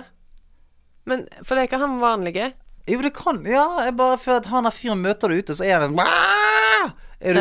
Are you out at this time of night? Jeg kan si at denne karakteren er også med i um, Windwaker. I Windwaker, når Ja, han kom i båten? Det hjelper ikke meg så mye, altså. Hmm. Det hjelper meg ikke så mye. Jeg vet ikke navnet på han. Nei. Du har fått ett poeng. Ja. Hvis du klarer dette poenget, så har du muligheten til å utligne med å ta fellesnevneren til slutt. Mm. Men hva, hva Jeg vil høre at du, har, du, har, du er nærmere noe her, nemlig, Ja. enn Stian. Ja, fordi i Hva, hva var det du sa, da? Ja, si det. Nei da. I, eh, I Windwaker så eh, reiser man rundt eh, i båten sin, og da kan man treffe på en båt med Han heter ikke Steve, men jeg føler han heter noe basic eh, Ja, jeg tror det er litt på villspor. Dette er en karakter på T, T. Thomas. og det navnet minner om en karakter fra Petter Pan-universet. Uh, Tuk. Heter han Tuk? Tuki? Tukins. Det var Captain Hook, men uh, Ja. uh, Fmi. Hva er det som flyr opp i lufta der, da? ah, ja, Tingling. Tinker. Tinkerbell. Tinker uh, Tinker Thomas. Tink. Tink? Nei. Det, ah, tank? tank. Nei, dere vet Jeg ikke dette. det. ass. Tinkerman. Denne karakteren heter Tingle. Tingle. Ah, ja. Tingle heter okay. den. Eh, ok, Hva er fellesnevneren mellom Clank fra Ratchet Clank, Captain Olimar fra Pickpin og Tingle fra Majora's Mask? Hmm. Fellesnevner der, ja. Mm, spennende, det. De er, ingen av de er helten. Ja, det er jo for så vidt riktig. Ja, men, uh, eller uh, Captain Olimar er vel den du styrer Altså, Ja, det- du, ja. du styrer jo Captain Olimar, men Pikminene er jo de som gjør jobben, da. Så. Ja, det, that's true. Hmm. Ja, det er noe ganske mye enklere kanskje enn dere tror. Har det noe med stemmene deres å gjøre? Nei. Alle har noe med insekter å gjøre. Nei Det har de jo sikkert. Nei, nei, men jeg, jeg bare for jeg, Tingle. jeg, tenker, for hva er det han faen gjør igjen? Anna, du kan ikke si det, for da røper du det ikke. For jeg, jeg, ja, ok. Alle er kaptein? Nei. Captain Tingle of the Tingle MS Tingle. Men hvis jeg sier at det har noe med Nei, jeg kan ikke si det, vet du. Mm, all, jo, vent litt. Alle tre er veldig lave. Ja! Ja, Det er det det stemmer, det! Det er helt Det riktig. Alle stemmer, tre er det! Det stemmer, det! Det er Satan! Der satt han! Ah. Liten. Ja, fordi Clank sitter jo bare på ryggen og er bitte liten. Tingle rekker jo Link bare til knæra så vidt. Og uh, Olimar er jo også mikroliten. Til og med disse Pikminene er jo på høyde med uh, Olimar. Veldig bra jobba! Takk, takk. Det var en eh, spennende Marol og Mordor. Takk for innsatsen. Jo. Vi skal videre.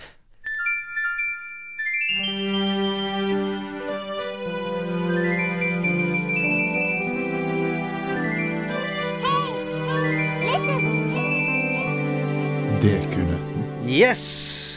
Eh, I dag eh, så, eh, så føler jeg meg jækla klar for å knekke noen nøtter. Eh, håper du er det òg, Marianne. Fordi at eh, i Deknøtten så, så skal vi få bryne oss på et litt sånn vanskelig spørsmål. Og det har blitt lagt igjen en liten badboy fra forrige gjest. Det ligger en dekunøtt rett under den digitale mikseren som står foran meg. Jeg skal bare Oh. hente fra meg. Så der, ja. Ja vel. Der, ja. En svett dekunøtt der. Og borrelås på den, eller? Ja, det var det. Ja, okay. Det er altså en dekunøtt fra Omid Rosander, som var her forrige uke. Mm. Og han sier Han skriver til dere Nå må dere hjelpe hverandre. Ja. Mm. Når og hvor ble den første PlayStation lansert? Mm. Aha. Å shit, dette sjekka jeg jo opp før uh, PS5-greia. Ja, gjorde du det? Ja, men jeg har skikkelig dårlig hukommelse. Men er det betimelig å tro at uh, han ble uh, launchet i det japanske markedet først, eller? det hadde jo vært typisk Sony å gjøre det. Uh, så jeg ville sagt Japan, og så er det elleve år siden forrige, og så var det sju år mellom Nei, seks år, seks år mellom dem, så det burde gå an å regne det ut. Ja. Uh, nå er vi i 2020, det var 2009 Har du Tenkes. tatt det? Det tenkes. 2003, Det og så er det knakkes. 1997. Ja. Uh, var det så seint som i 1997 han kom ut? det var Altså, det kan jo være, ja. Og Men uh, hvis han kom ut her 1996 uh, Japan. Ja, vi sier det. Japan er helt riktig. Ja. Ja. Ett poeng der. 1996 er feil. Ah, Vi skal bakover i tid. 92.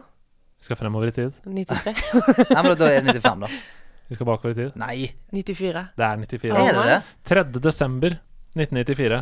Wow. Eh, og den kom jo eh, mye før, som dere er inne på, til eh, Japan enn Men, den gjorde men veldig mye før, da, tydeligvis. Eh, la meg sjekke. La sånn pausemusikk. Ja, ja, okay, ja, du, Tenk at jeg ikke spurte komponisten om pausemusikk.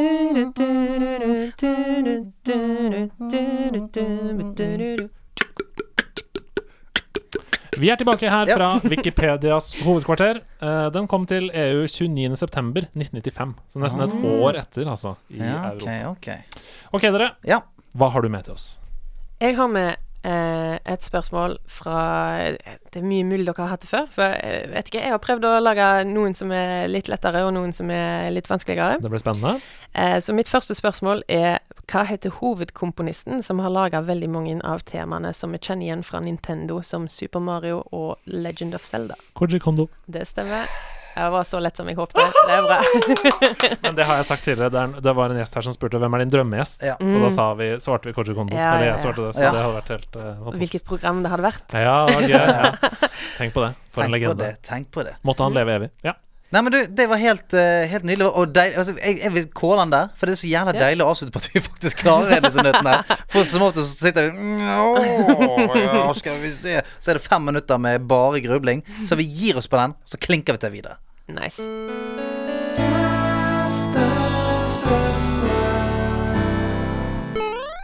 Har du noen gode tips til oss? Um, til spill?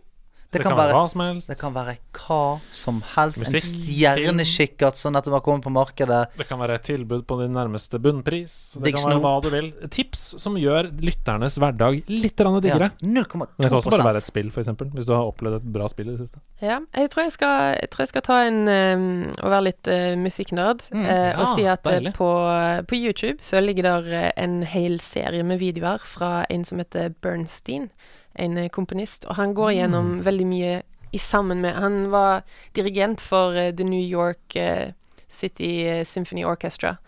uh, I 20 år, tror jeg, og han brukte dem og hadde noe Young Musicians eller Young Composers eh, temakvelder som nå ligger ute på YouTube.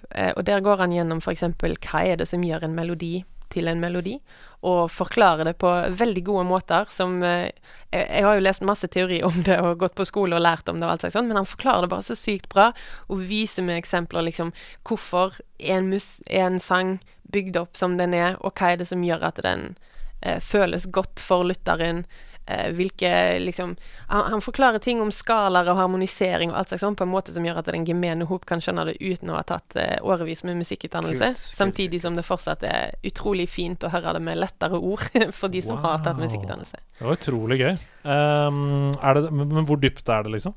Og det, det er flere videoer som ligger ute, så noen av de er litt mer overfladiske enn andre. Så han begynner på en måte en plass, og så kan du se deg videre Ja, gjennom du, du kan klatre deg nedover. Mm. Kla- Klatre deg dypere ned i hullet. Ja, ja, så han snakker jo også om akustikk i den ene, i, i orkesterhallen, hvor, og viser liksom rommet og, og akustikken til eh, lytterne som sitter i hallen, da. Så det Ja, for det er, vel, det er ikke det sånn at et, et eh, orkester må spille mye saktere eh, i en stor hall pga. akustikken? At hvis de spiller ra, eh, så raskt som de kanskje ville gjort på øving, så forsvinner mye av lyden i eh, rommet? Da er det en, en litt dårlig hall. Eh, hvis du skal lage deg en orkesterhall, eh, pro tip til dere der ute Mhm. som har planer om det.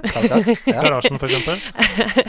så, eh, så er det veldig viktig å bruke riktig padding. da. Sånn som i studio her, så er det jo noen velplasserte skumplater som er rundt omkring for at man skal dempe akustikken og klangen i, i rommet, og få det så nøytralt som mulig.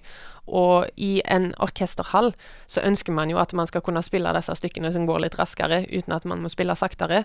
Eh, men det kan man ikke i liksom en, en stor betonghall uten noe demping, for da vil ekkoet liksom ta deg igjen, og det vil være alt du hører til slutt. Ja. Som jo er det som skjer når en mikrofon får feedback. Da kommer liksom en loop av det samme signalet om igjen, om igjen, om igjen. Så man får bare en, eh, en gjennom eh, Hva heter det? En eh, stødig lyd. Mm. Ja, altså en uh, jevn tone. En jevn tone. Mm. Det heter det, vet du. Da har vi fått to veldig gode tips her i dag. Jeg må Eh, bare si at ja. så, sånne ting som dette da er farlig for meg. For Hvis jeg setter på en YouTube-video som er som dette, så forsvinner jeg ned i det hullet der og bare Altså, jeg, jeg er helt lik. Jeg, er- eh, ganske nylig så havnet jeg over på en podkast om uh, Beethoven. Og hvordan uh, hans Han brukte jo metronom på slutten av sitt liv. Eh, og for Da skulle han skrive på en måte hvor raskt alle stykkene skulle gå, og hvert parti og sånt. Og da har han skrevet de opp inn i helsiken fort. eh, så hvis du skal spille de sånn som tydeligvis Beethoven hadde bestemt seg for at det skulle være, så hadde de gått helt Da er det ba, ba, ba, ba, dadadada, badadadadadadada, Oi, shit, badadadadadadada. Så at, eh, da var det et orkester som prøvde å spille det sånn som det var. Da. Og det, det er med helt annen musikk. Eh, og de fordypet seg i liksom hvorfor det var sånn. Og da var da jeg kom inn på det at eh, de sa de kan ikke spille så raskt i konserthallen, for da, da blir det bare rot. Det blir bare eh, støy. Så jeg, jeg er akkurat samme. Hvis jeg begynner på de greiene der, da er jeg til slutt på en, eh, på en dokumentar som kun handler om, om Beethovens metronom. Men to gode tips her i dag. Jeg Gå og sjekk ut Bernstein, Bernstein Bernstein. Bernstein på YouTube uh, for uh, in-depth uh, teachings om lyd, harmonisering, melodier, hvorfor musikk er som det er. Og tips nummer to, hvis du skal lage en konserthall der ute, for guds skyld, da, bruk noen skumplater i hvert fall. da Eggekartonger funker også fint.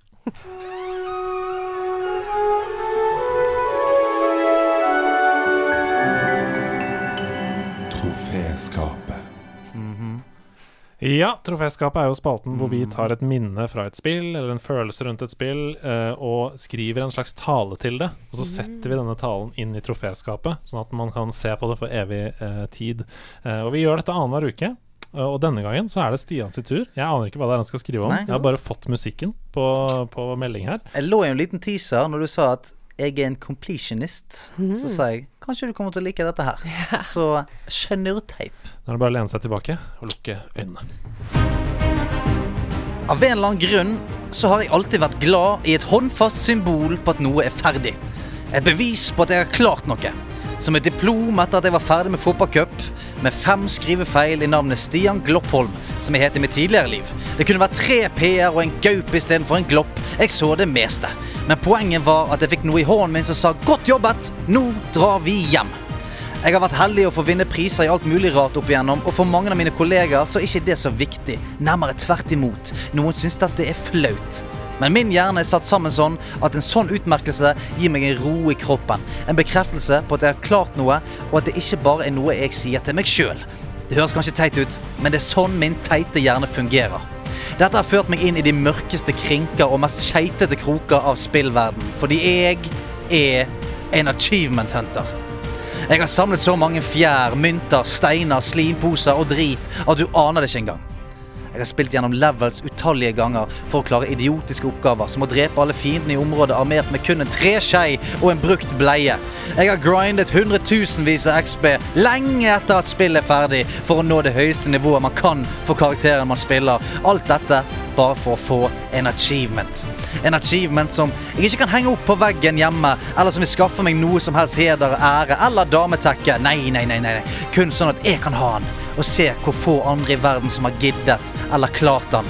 Sånn at jeg kan putte den inn i min digitale minnebok for alltid. Det er ti år siden jeg har spilt Borderlands 1, men om jeg logger meg på Xbox-kontoen min, så kan jeg se at der står det 1000 av 1000 poeng. Jeg gjorde alt. Alle Sidequest. Alt. Jeg kan gå inn på PlayStation-trophiesene mine og se at i Wolf Among Us så gjorde jeg alle valgene. I Infamous Second Son så var det ikke en blokade som sto igjen. Ikke en oppgradering som uteble. Den skitten ble plettet. Det gir meg en absurd merkelig form for glede. Jeg kan ikke bruke disse poengene eller trofeene til noe som helst. Ingenting. Og det gjør de enda mer spesielle. Jeg gjorde det ikke for å tjene noe penger eller for å skaffe meg skryt fra venner. Jeg gjorde det kun for meg. Noen ganger kan jakten på achievements riste noe ut av spillet som ikke du visste var der. En hemmelig bane, en bortgjemt del av historien eller et insane våpen som utviklerne har gravd så dypt ned at de vet at det er bare oss galningene som kommer til å finne det. Vi som vrir hver eneste spill opp som en klut til det ikke er en eneste dråpe igjen. Da føles det ekstra godt. Når jeg ligger meg altfor seint fordi jeg har besteget alle de jævla sjirafftrynene i Horizon, så gjør jeg det med et smil om munnen. Jeg kan se på min sovende kone og tenke mens du har vært i drømmeland, så har jeg gjort arbeid. Selv om achievements er laget for oss med en mild hjerneskade, så vil jeg prøve å ta siste bossen med en slapp ørret og et dolokk til skjold. Jeg mener spillverden hadde ikke vært den samme uten. De utfordrer oss til å gå den siste mil, og den lokker oss til å saumfare hver centimeter av verden som noen veldig flinke mennesker har brukt årevis på å lage. Jeg gleder meg til årevis med meningsløse oppgaver i spill jeg elsker. Om det skal samles kvister i Last of Us 2, så skal jeg love deg at det ikke skal være en jævla kvist igjen i det spillet før jeg gir meg. Jeg er en achievement hunter, og på gravsteinen min så håper jeg det står en stor, feit platinum trophy. Hvis eh, jeg dessverre, da, eh, har gleden av å leve lenger enn deg, som jeg ikke håper Men hvis jeg Du håper dessverre litt må det, det ja. Nei, det håper jeg ikke, for jeg orker ikke det. Så skal jeg sørge for at det står en Platinum Trophy på, trofé, tro, på troféskapet ditt Ja, på gravsteinen. da skal det stå He platted that shit.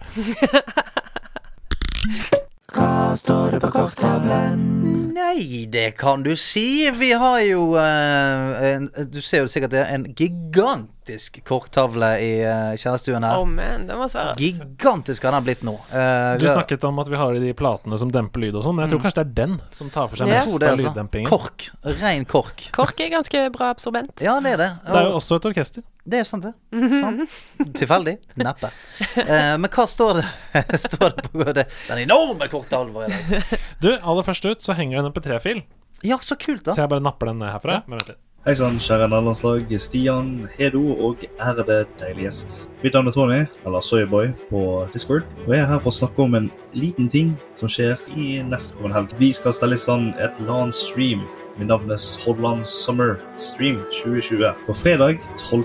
juni til søndag 14. juni. Dette vil ta plass på Twitch, og all informasjon finner dere på hordaland.no. Jeg har også et spørsmål til dere. Hva er deres favorittmusikk, soundtrack, whatever, i forskjellige spill? Og det kan være sjanger, det kan være ett spesifikt spill. Tusen takk for et fantastisk podkast. Kjøttet går for alltid. Damn right. Ok. Damn right. Nå fikk jo jeg denne lydfilen da denne uka. Ja. Det var litt trist at det var forrige helg. Ja, det er veldig trist. 12. til 14. juni. Å nei! Men, Og du men eh, da fikk vi i hvert fall eh, spilt av. Og det det var et spørsmål. Jeg håper streamen gikk bra. For Hordaland eh, har jo du erfaring med. fra Oh før av. yes, jeg har drukket mine liter gos der. Ja, og Hordaland kunne jo selvfølgelig av åpenbare årsaker ikke avholdes, men de skulle ha stream isteden. da. Jeg håper den gikk bra, og det kan godt hende du kan gå inn og se den. I Mm. Det kan være. Det kan godt hende. Det kan være. Men la oss svare på spørsmålet. Ja. Favoritt-soundtrack fra spill? Og det er jo som å velge mellom barna sine for deg, tenker Ah, jeg. det er vanskelig, Så altså. Derfor så går det kanskje an å si noe mer om sånn, en sjanger eller en feeling. Hva er det Vi du ble, liksom vi ble jo pirret litt her, og selvfølgelig Star Wars Ja. eh, i bakgrunnen her. Altså, for min del, jeg kan si akkurat uh, nå, selv om det er sinnssykt mange bra soundtrack å uh, velge mellom, så vil jeg si at uh, Breath of the Wild og God of War er Oi. to av de eh, favorittene mine akkurat i dag. Det er ganske interessant, for det er to nesten diametrale ja, motsetninger. det, det. Ja. Fordi God of War er jo majestetisk og stort og bare koker på med, med ting, mens, Mm. eh, mens eh, i Breath of the Wild så er du utrolig dyktig til å gjøre fraværet av musikk Mm. til noe veldig Minimalistisk vakkert. og, og veldig sånn oppjazza på Ja. veldig mange måter. Veldig mange fine metningstoner som er brukt i akkord, akkordsystemet. Men Men det skulle jeg til å si. ja. Jævla mye bra metningstoner i akkordsystemet der. Eh, men jeg, jeg syns bare at når du, når du virkelig hører etter, eh, og du hører alle temaene fra hele serien bare brukt om igjen på denne minimalistiske, utrolig fine måten, så får, gir vi frysninger. ass. Fantastisk. Hva med deg? Musikken? Du, jeg har jo svar på dette et par ganger, og jeg klarer liksom ikke å skifte det helt. Men altså, Final Fantasy-serien Mm. er for meg eh, eh, unik. Fordi at eh, musikken i hvert spill er fantastisk. Og ikke minst det jeg har så mye gode minner og øyeblikk knyttet til det. At den, den musikken jeg hører den Det er, litt, det er, det er, det er lukten av bestemors kjøttkaker, Ja, liksom. At når, med, en gang, med en gang jeg får den musikken, så er jeg sånn Å, stemmer det? Det var der jeg var, på en måte. Sånn at jeg, jeg må si det, altså. Ja, nei, eh, jeg har jo også svart på dette før, men jeg kan jo bare gjenta det jeg har sagt før, at jeg syns jo at Super Mario Odyssey eh, Ja. Nei, ikke Super Mario Odyssey. Men det er bra, bra, det òg, da. Ja, jeg tenkte på Super Mario Galaxy-musikken. Syns jeg er helt fantastisk. Der har de tatt Koji Kondos mesterverk og gjort Yes. det orkestralt på en helt vill måte som bare slår meg i fjeset hver gang. Jeg kan sette på den på Spotify og høre på det og kose meg med det. Men jeg skal bare si at, at, at eh, jeg husker en ganske sånn gøy følelse jeg fikk når jeg spilte Crash Bandicot. Uh, ja. Altså når det kom remaster. For hadde jeg, jeg, hadde ikke tenkt på den musikken på sikkert uh, 15 år. Ja. Og så når jeg tok det på, og den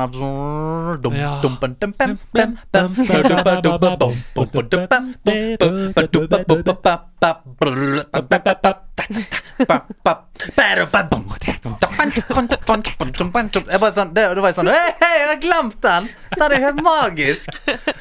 Så Vi må snart lage Traveling Orchestra. Det, jeg ser for meg at vi kjører bussen sånn. Tjener ingen penger på dette. Ingen penger. Jeg må også si at Ori, Ori and the Blind Forest og Ori and the Will of the Wisps har helt magiske soundtracks. De har veldig fine soundtracks. Halla! Jeg har skjønt at Hedman ikke har noe særlig forhold til Kingdom Hearts-serien, men jeg har hørt at Blipperen sier flere ganger i løpet av podkasten at det er et av hans favorittserier. Stemmer. Men han har aldri snakket noe spesielt om det, annet enn en kommentar her og der, og at han gleder seg til Remind-delscenen. Jeg hadde en relativt vanskelig barndom med mobbing, og en av de tingene jeg kunne dra hjem til, det var PlayStation og Kingdom Hearts. Dra på eventyr med Langbein og Donald, og glemme litt av det andre som foregikk. Kunne ikke du overtalt han til å snakke litt mer konkret om hans forhold til Kingdom Hearts? Hva syns han om Remind, og kanskje til og med putte Kingdom Hearts i troféskapet? Oh. Men den siste må nesten komme naturlig, for det er da de er aller best. Mm. Hilsen Anonym. Du, Anonym, jeg, eh, jeg skulle Altså Jeg kommer til å lage et troféskap om det. Det er ikke det Jeg Har ikke jeg laget det ennå? Det er jo en skam hvis ikke jeg har laget det. Har jeg laget det? Jeg vet, Nei, jeg tror ikke det. Ah, ja, hvis ikke jeg har laget det, så er det iallfall en skam. Jeg kommer til å lage det. Eh, altså, det første det, har, det kommer jeg til å ha et sånn uslettelig minne av. Eh, fordi at det er det der vennskapet, det der oss mot verden, som er så unikt med det. Eh, som oftest så er det sånn det er meg mot verden, eller det er en, en sterk protagonist eller en uh, uventet helt. sånt. Men så her er det hele tiden det Det begynner med at du er med vennene dine, det er et sterkt bånd der. Du blir skilt fra de, du får nye venner i, uh, i på en måte Mario Nei, Mario, sier jeg. I Donald og Langbein. Og for hver verden dere drar til, så kommer det en ny venn. Eh, så det er det der eh, 'sammen er vi sterke'-greiene. Sammen med selvfølgelig den fantastiske Disney-verden som alle elsker, og som på en måte gir alle den gode følelsen. Og jeg tror alle som har sett en Disney-film opp igjennom, føler litt at sånn Å, jeg, jeg føler meg litt som en del av gjengen. Eh, hvis det er hvis er Snøhvit og de syv dvergene, så er det sånn 'Jeg og han er sinte'. Alle føler liksom at de er en, en del, del av det. Så her, der har de på en måte Jeg tror de har liksom merget alle de, de gode, fine tingene som på en måte Disney, barndom, vennskap eh, og at eh, uansett hvor kjipt noe er, så, så vil det gode vinne, eh, på en måte. Så derfor liker jeg det veldig godt. Og så er musikken og, og alt helt prime. 30 sekunder om Remind. Har du, har du spilt en delelse? Jeg har ikke fått gjort det ennå. Men da har du masse å se fram til, da. Visst. Åpenbart. Visst, visst, visst. Ja, ja. Kort om Har du noe forhold til Kingdom Hearts? Å, veldig. Jeg vil bare si at eh, en av mine favorittsegmenter i Kingdom Hearts er Jeg husker egentlig ikke om det er eneren eller toeren, men du kommer til et punkt hvor det er fullt av disse små svarte Heartless. figurene. Heartless, ja. Ja. Fullt av Heartless. Det er sånn tusen av de, og Mm. du skal bare slå deg gjennom hele bøtteballetten. Og det, det var så sinnssykt gøy, ass. Um, og så nøklene. Designet på nøklene. ja, ja. I love it. Jeg er helt enig. Er Keyblades. Ja. Oh, tenk, det er så fett navn òg. Ja. Keyblade. Å, dette er så deilig. Jeg kunne, eh, kan ikke dere gå sammen da og lage en eller annen sånn Vi skal det. eh, Kingdom Hearts-spesial? Vi dere skal to, det, så vi kan skal. jeg Klart høre vi på skal den. det. Ja, vi ga hverandre tegn i sted. Det- Der. eh, Ja, det- key- det var det- Keyblade. det var key- da du gjorde det. Keyblade-tegnet. Det betyr sånn Vi skal gå og lage podkast om det. Hei, kjære nerdelandslag. Jeg har den siste tiden med inspirasjon fra dere lånt vekk switchen til min bedre halvdel for å prøve å gjøre henne til en liten nerd. Mm -hmm. uh, jeg innser nå at å kjøpe Animal Crossing kan ha vært en liten tabbe, for nå ser det ikke ut til at jeg får switchen tilbake med det første. Men nettopp i dag fant jeg ut at kjæresten min har hatt en liten gamingfortid på PS2. Hun husker godt tilbake til A Dog's Life og Disneys Extreme Skate Adventure. okay. Er det noen i det fantastiske nerdelandslaget som muligens har ett eller begge av disse spillene liggende som de ønsker å donere eller selge til meg som en overraskelse til henne? Kontakt meg gjerne på Discord da, Megatron94. Jeg kunne ikke spille inn dette på lyd, for hun sitter ved min side og hører det jeg sier. Ah, så kult. Kjøttet går. Så utrolig hyggelig, da. Ja. Ja. Er det noen der ute som har A Dog's Life eller Disney? Extreme Skate Adventure. Ja. To av de mest kjente titlene til PlayStation. Ja, ja. To av de bautaene. Da må dere ta kontakt med Megatron94 på Discord. Jeg gjør det. Det har vært så gøy. Ja, ja. Og Megatron, jeg vet at du hører på, ta så send oss en follow-up da på ja. hvordan dette gikk. Gjør det. Vi skal pushe. Hei og hopp, Hedemann, Blippemann og Gjestemann. Gjestekvinne. Ja, ja. Dere har snakket mye om Final Fantasy-podden og Chrono Trigger i Sidequest. Men har dere noen erfaring med serien Dragon Quest, som er i samme sjanger? Åh, deilig. Selv spilte jeg Dragon Quest 8 på PS2, og det satte en eh, elsk for RPGs. Har du noen erfaring med dette? Vær så god. Jeg skal, jeg skal si Dragon Quest Builders. ja. Det har, eh, det har jeg en del erfaring med. Og der har jeg samme erfaring som du har med Animal Crossing, og at du hører musikken eh, overalt. Ja. Eh, jeg hadde en kjæreste som spilte veldig mye Dragon Quest Builder, og den musikken der, når den kommer på i bakgrunnen Jeg spilte den en del sjøl òg, men bare den musikken i bakgrunnen, den er, er fantastisk. Ja, for jeg, eh, jeg spilte Dragon Quest eh, back in the days, husker jeg. Som et litt sånn fillerspill. Som jeg tenkte sånn oh, ja, men jeg, For jeg var veldig glad i RPG. Spilte liksom alt av Final Fantasy og sånt. Og så kom, uh, kom det. Og så tenkte jeg sånn Ja, men det må jeg òg spise, på en måte. Det, det er jo akkurat sånn jeg liker det. Turn-based RPG. Eh, så da spilte jeg det. Så husker jeg husker veldig, karakterene veldig godt. Og han er store karen som hele tiden sier 'Gavne!' og eh, de der grønne ploppene som du tar sånn. ja, de bloody blå, de slimesene. ja, ja, så jeg, så jeg syns jo det var dritgøy, og det er veldig, veldig charming univers. Super charming. Og jeg så at det hadde kommet et nytt et nå, hadde ikke det? Nettopp. Jo, det, jeg tror det er Nå kan det hende at jeg Ja. sier feil ting, men jeg tror det er sånn 20 av de i Ja, ja, Japan. ja. Ja, Det, ja, det er sinnssykt mange spill, og de kommer ut, kom ut uh, jevnt og trutt. Mm. Det er for noe så Jeg mener bare jeg så at det kom en sånn Dragon Quest Sånn her Dragon Quest Det hadde ikke et tall, men det var bare sånn Dragon Quest Extreme. Ja, ja. Noe sånt. Men jeg fikk, fikk lyst til å teste det. Ja, jeg, selv så har jeg bare et populærkulturelt forhold til Mm. Dragon Quest-spillene. Altså Jeg vet hva det er, jeg kjenner de plopsene som du snakker om, de Mm. slimesene, de blå og sånn. Men jeg har ikke spilt noen av dem, så det er jo tull for meg, da. Ok, vi har mange Det er et par spørsmål igjen. Ja, ja, vi har mange eh, artister i nederlandslaget på ulike måter. Mm. Altså Enten de er kunstnere eller musikere eller hva som helst. Kreative sjeler. Ja, eller byggere. Altså Vi har folk som bygger broer. Uh, The Lizard, hei, jeg hører du snakker til deg. Um, og en av de heter Joakim uh, Skurk. En av dem, beklager, heter Joakim Skurk. Han har lagd Minecraft-serveren vår uh, og driver med musikk til vanlig. Og jeg skal ikke si så mye, men da vi hadde Ida Horpestad på besøk, og Sebastian Brunestad var gjesteprogramleder for deg, så oppsto det en situasjon som han tok tak i, og i løpet av bare bare timer etter at episoden var ute, så dumpet dette her ned i min innboks. Legg noe groovy greier Og du bare Legg et noe groovy greier Det er, så, det er bare Kan vi spille, kan vi være så snill i noen community og bruke akkurat den soundbiten der? Legg et noen groovy greier. Det føler jeg er en låt. et noen groovy greier.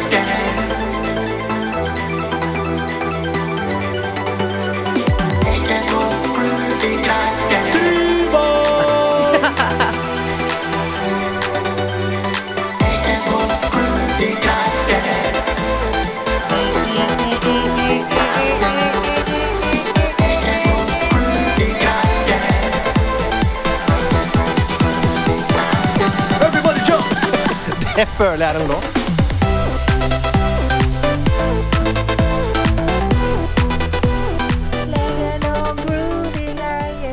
Ok, det er synd at russetiden er over. Ja, altså Er er han over?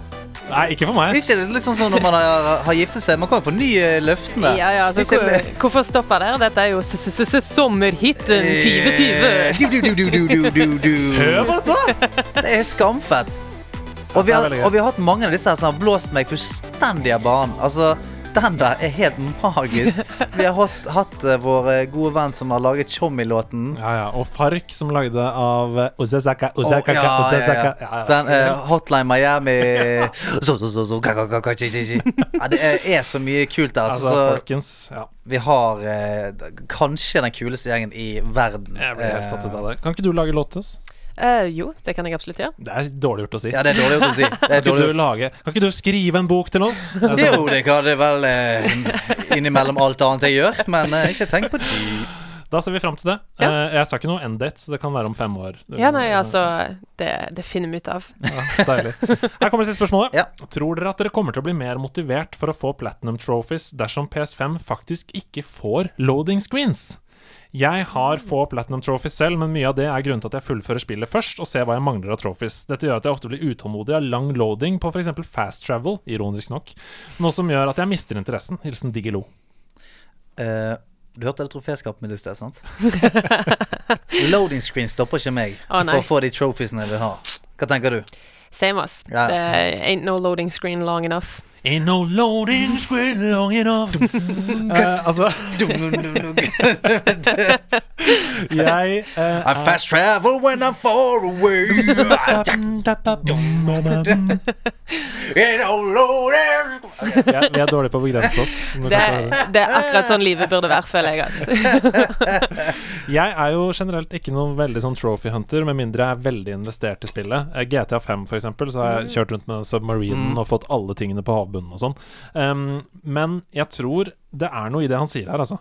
Fordi jeg kan irritere meg veldig hvis jeg må sitte sånn For eksempel så er det jo det, For å bruke GTA 5 som et eksempel, da. Bare å starte det spillet tar jo et kvarter. Det er jo sånn Ja, ta, ta Start. litt tid. Det tar 100 år for å få i gang spillet, og jeg tror at det kan hjelpe. Hvis, hvis det ikke er noen loading bare hopper rett til det som skjer hele tiden, fordi det er en fantastisk SSD og sånn. Nå snakker vi mye om PS5, men det er fordi den nettopp er her nå. Ja, ja. Jeg vet at Xbox Series X kommer til å bli like bra uh, performance-messig. Ja, så du trenger ikke, du trenger ikke ta, ta det vi snakker om i forsvar. Altså, de kommer med sin pressekonferanse, Ja, de, og da skal vi snakke, snakke skal vi snakke om de. Så svaret mitt er ja. Jeg tror faktisk at for meg så kommer det til å være en reell forandring. At jeg kan, jeg kan faktisk være mer motivert uh, nå enn jeg var før. Mm. Ja, jeg kommer nok sikkert bare til å være like motivert med mindre lo- loading screen.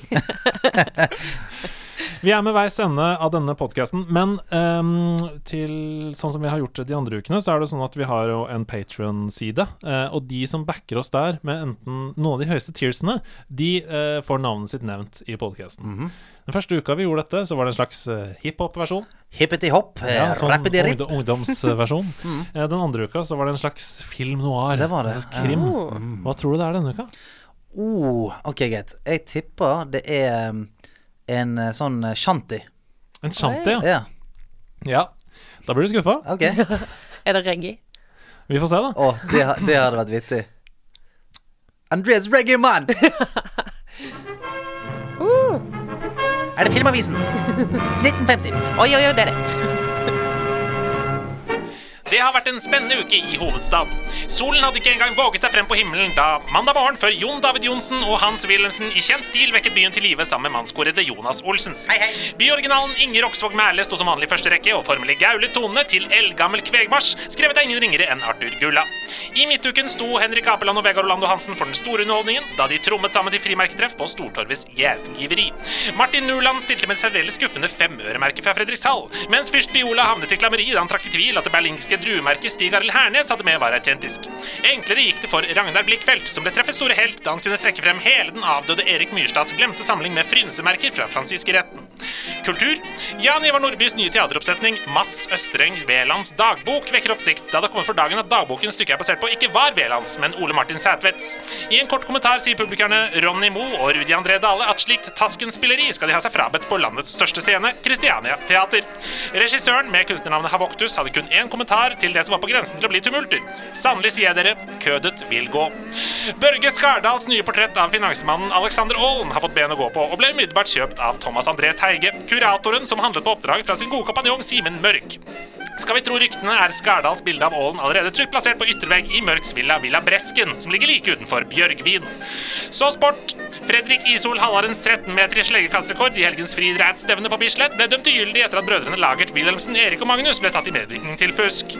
Dommer Herman Høgenes Kvinsland hadde en kort kommentar til saken. Jeg satt simpelthen og førte inn rekordene i Gynnes rekordbok da min kompanjong Martin Mareno Eilertsen gjorde meg oppmerksom på fuskeriet. Kulen var fylt med væske for å øke vekt og momentum. Dermed blir Ola Klingens norgesrekord på 12,75 stående også etter denne helgen. På den tradisjonelle 100-meteren fikk det sveitsiske håpet Gunn Bar sterk konkurranse fra hjemmehåpet Joakim Svensrud og den sovjetiske bjørn Ivan Olimb. Det skulle imidlertid ikke bli noen av de nevnte som tok den gjeve førsteplassen da Kjetil Johansson snek seg forbi de siste nødvendige centimeterne. Det var den klassiske Tore Dalaker-teknikken som skulle avgjøre oppløpet, og i kjent stil krysset altså Johansson målstreken med knehasen først. Så til været. Orkanen Kivenna ser ut til å treffe Helgelandskysten med enorm styrke påfølgende uke. Skipper Christer Høiland på VMS Vemund Veting var bekymret da vi fikk han i tale. Jeg har kun Høyfjellskommisjonens jegerkorpskart å forholde meg til, og så vidt jeg vet har verken ekspert Andreas Gilstad eller meteorolog Sebastian Flå hatt mulighet til å oppdatere disse kartene med sin ekspertise, sier han i en kort kommentar. Det var alt vi hadde for denne gang. Bak spak og klaff satt Simen Folkvord og Sigurd Gran. Mitt navn er Lasse Juklerød. På gjenhør og adjø. Kødet går. Kødet går. Kødet Å, oh, du milde måne. Det har vært en eh, flott dag her eh, i dag i 1950. Fantastisk, Andreas Hedemann. Du er en stjerne for stjerne. Bare la musikken spille. Marianne, en sann sangglede å ha deg på besøk. Veldig trivelig å få være med. Og vi ønsker deg masse lykke til med nye spillet, eh, livet og alt innimellom. Takk, takk. Da skal jeg ta en uh, siste plugg, selvfølgelig. Ja. Warfame har uh, beta nå til helga. Ta Sign up, uh, join Discord, all that shebang. It's gonna be lit. Dwarfheim, it's gonna be lit. La det Yeah. være siste ord. Tusen takk for oss. Dere er deilige folk.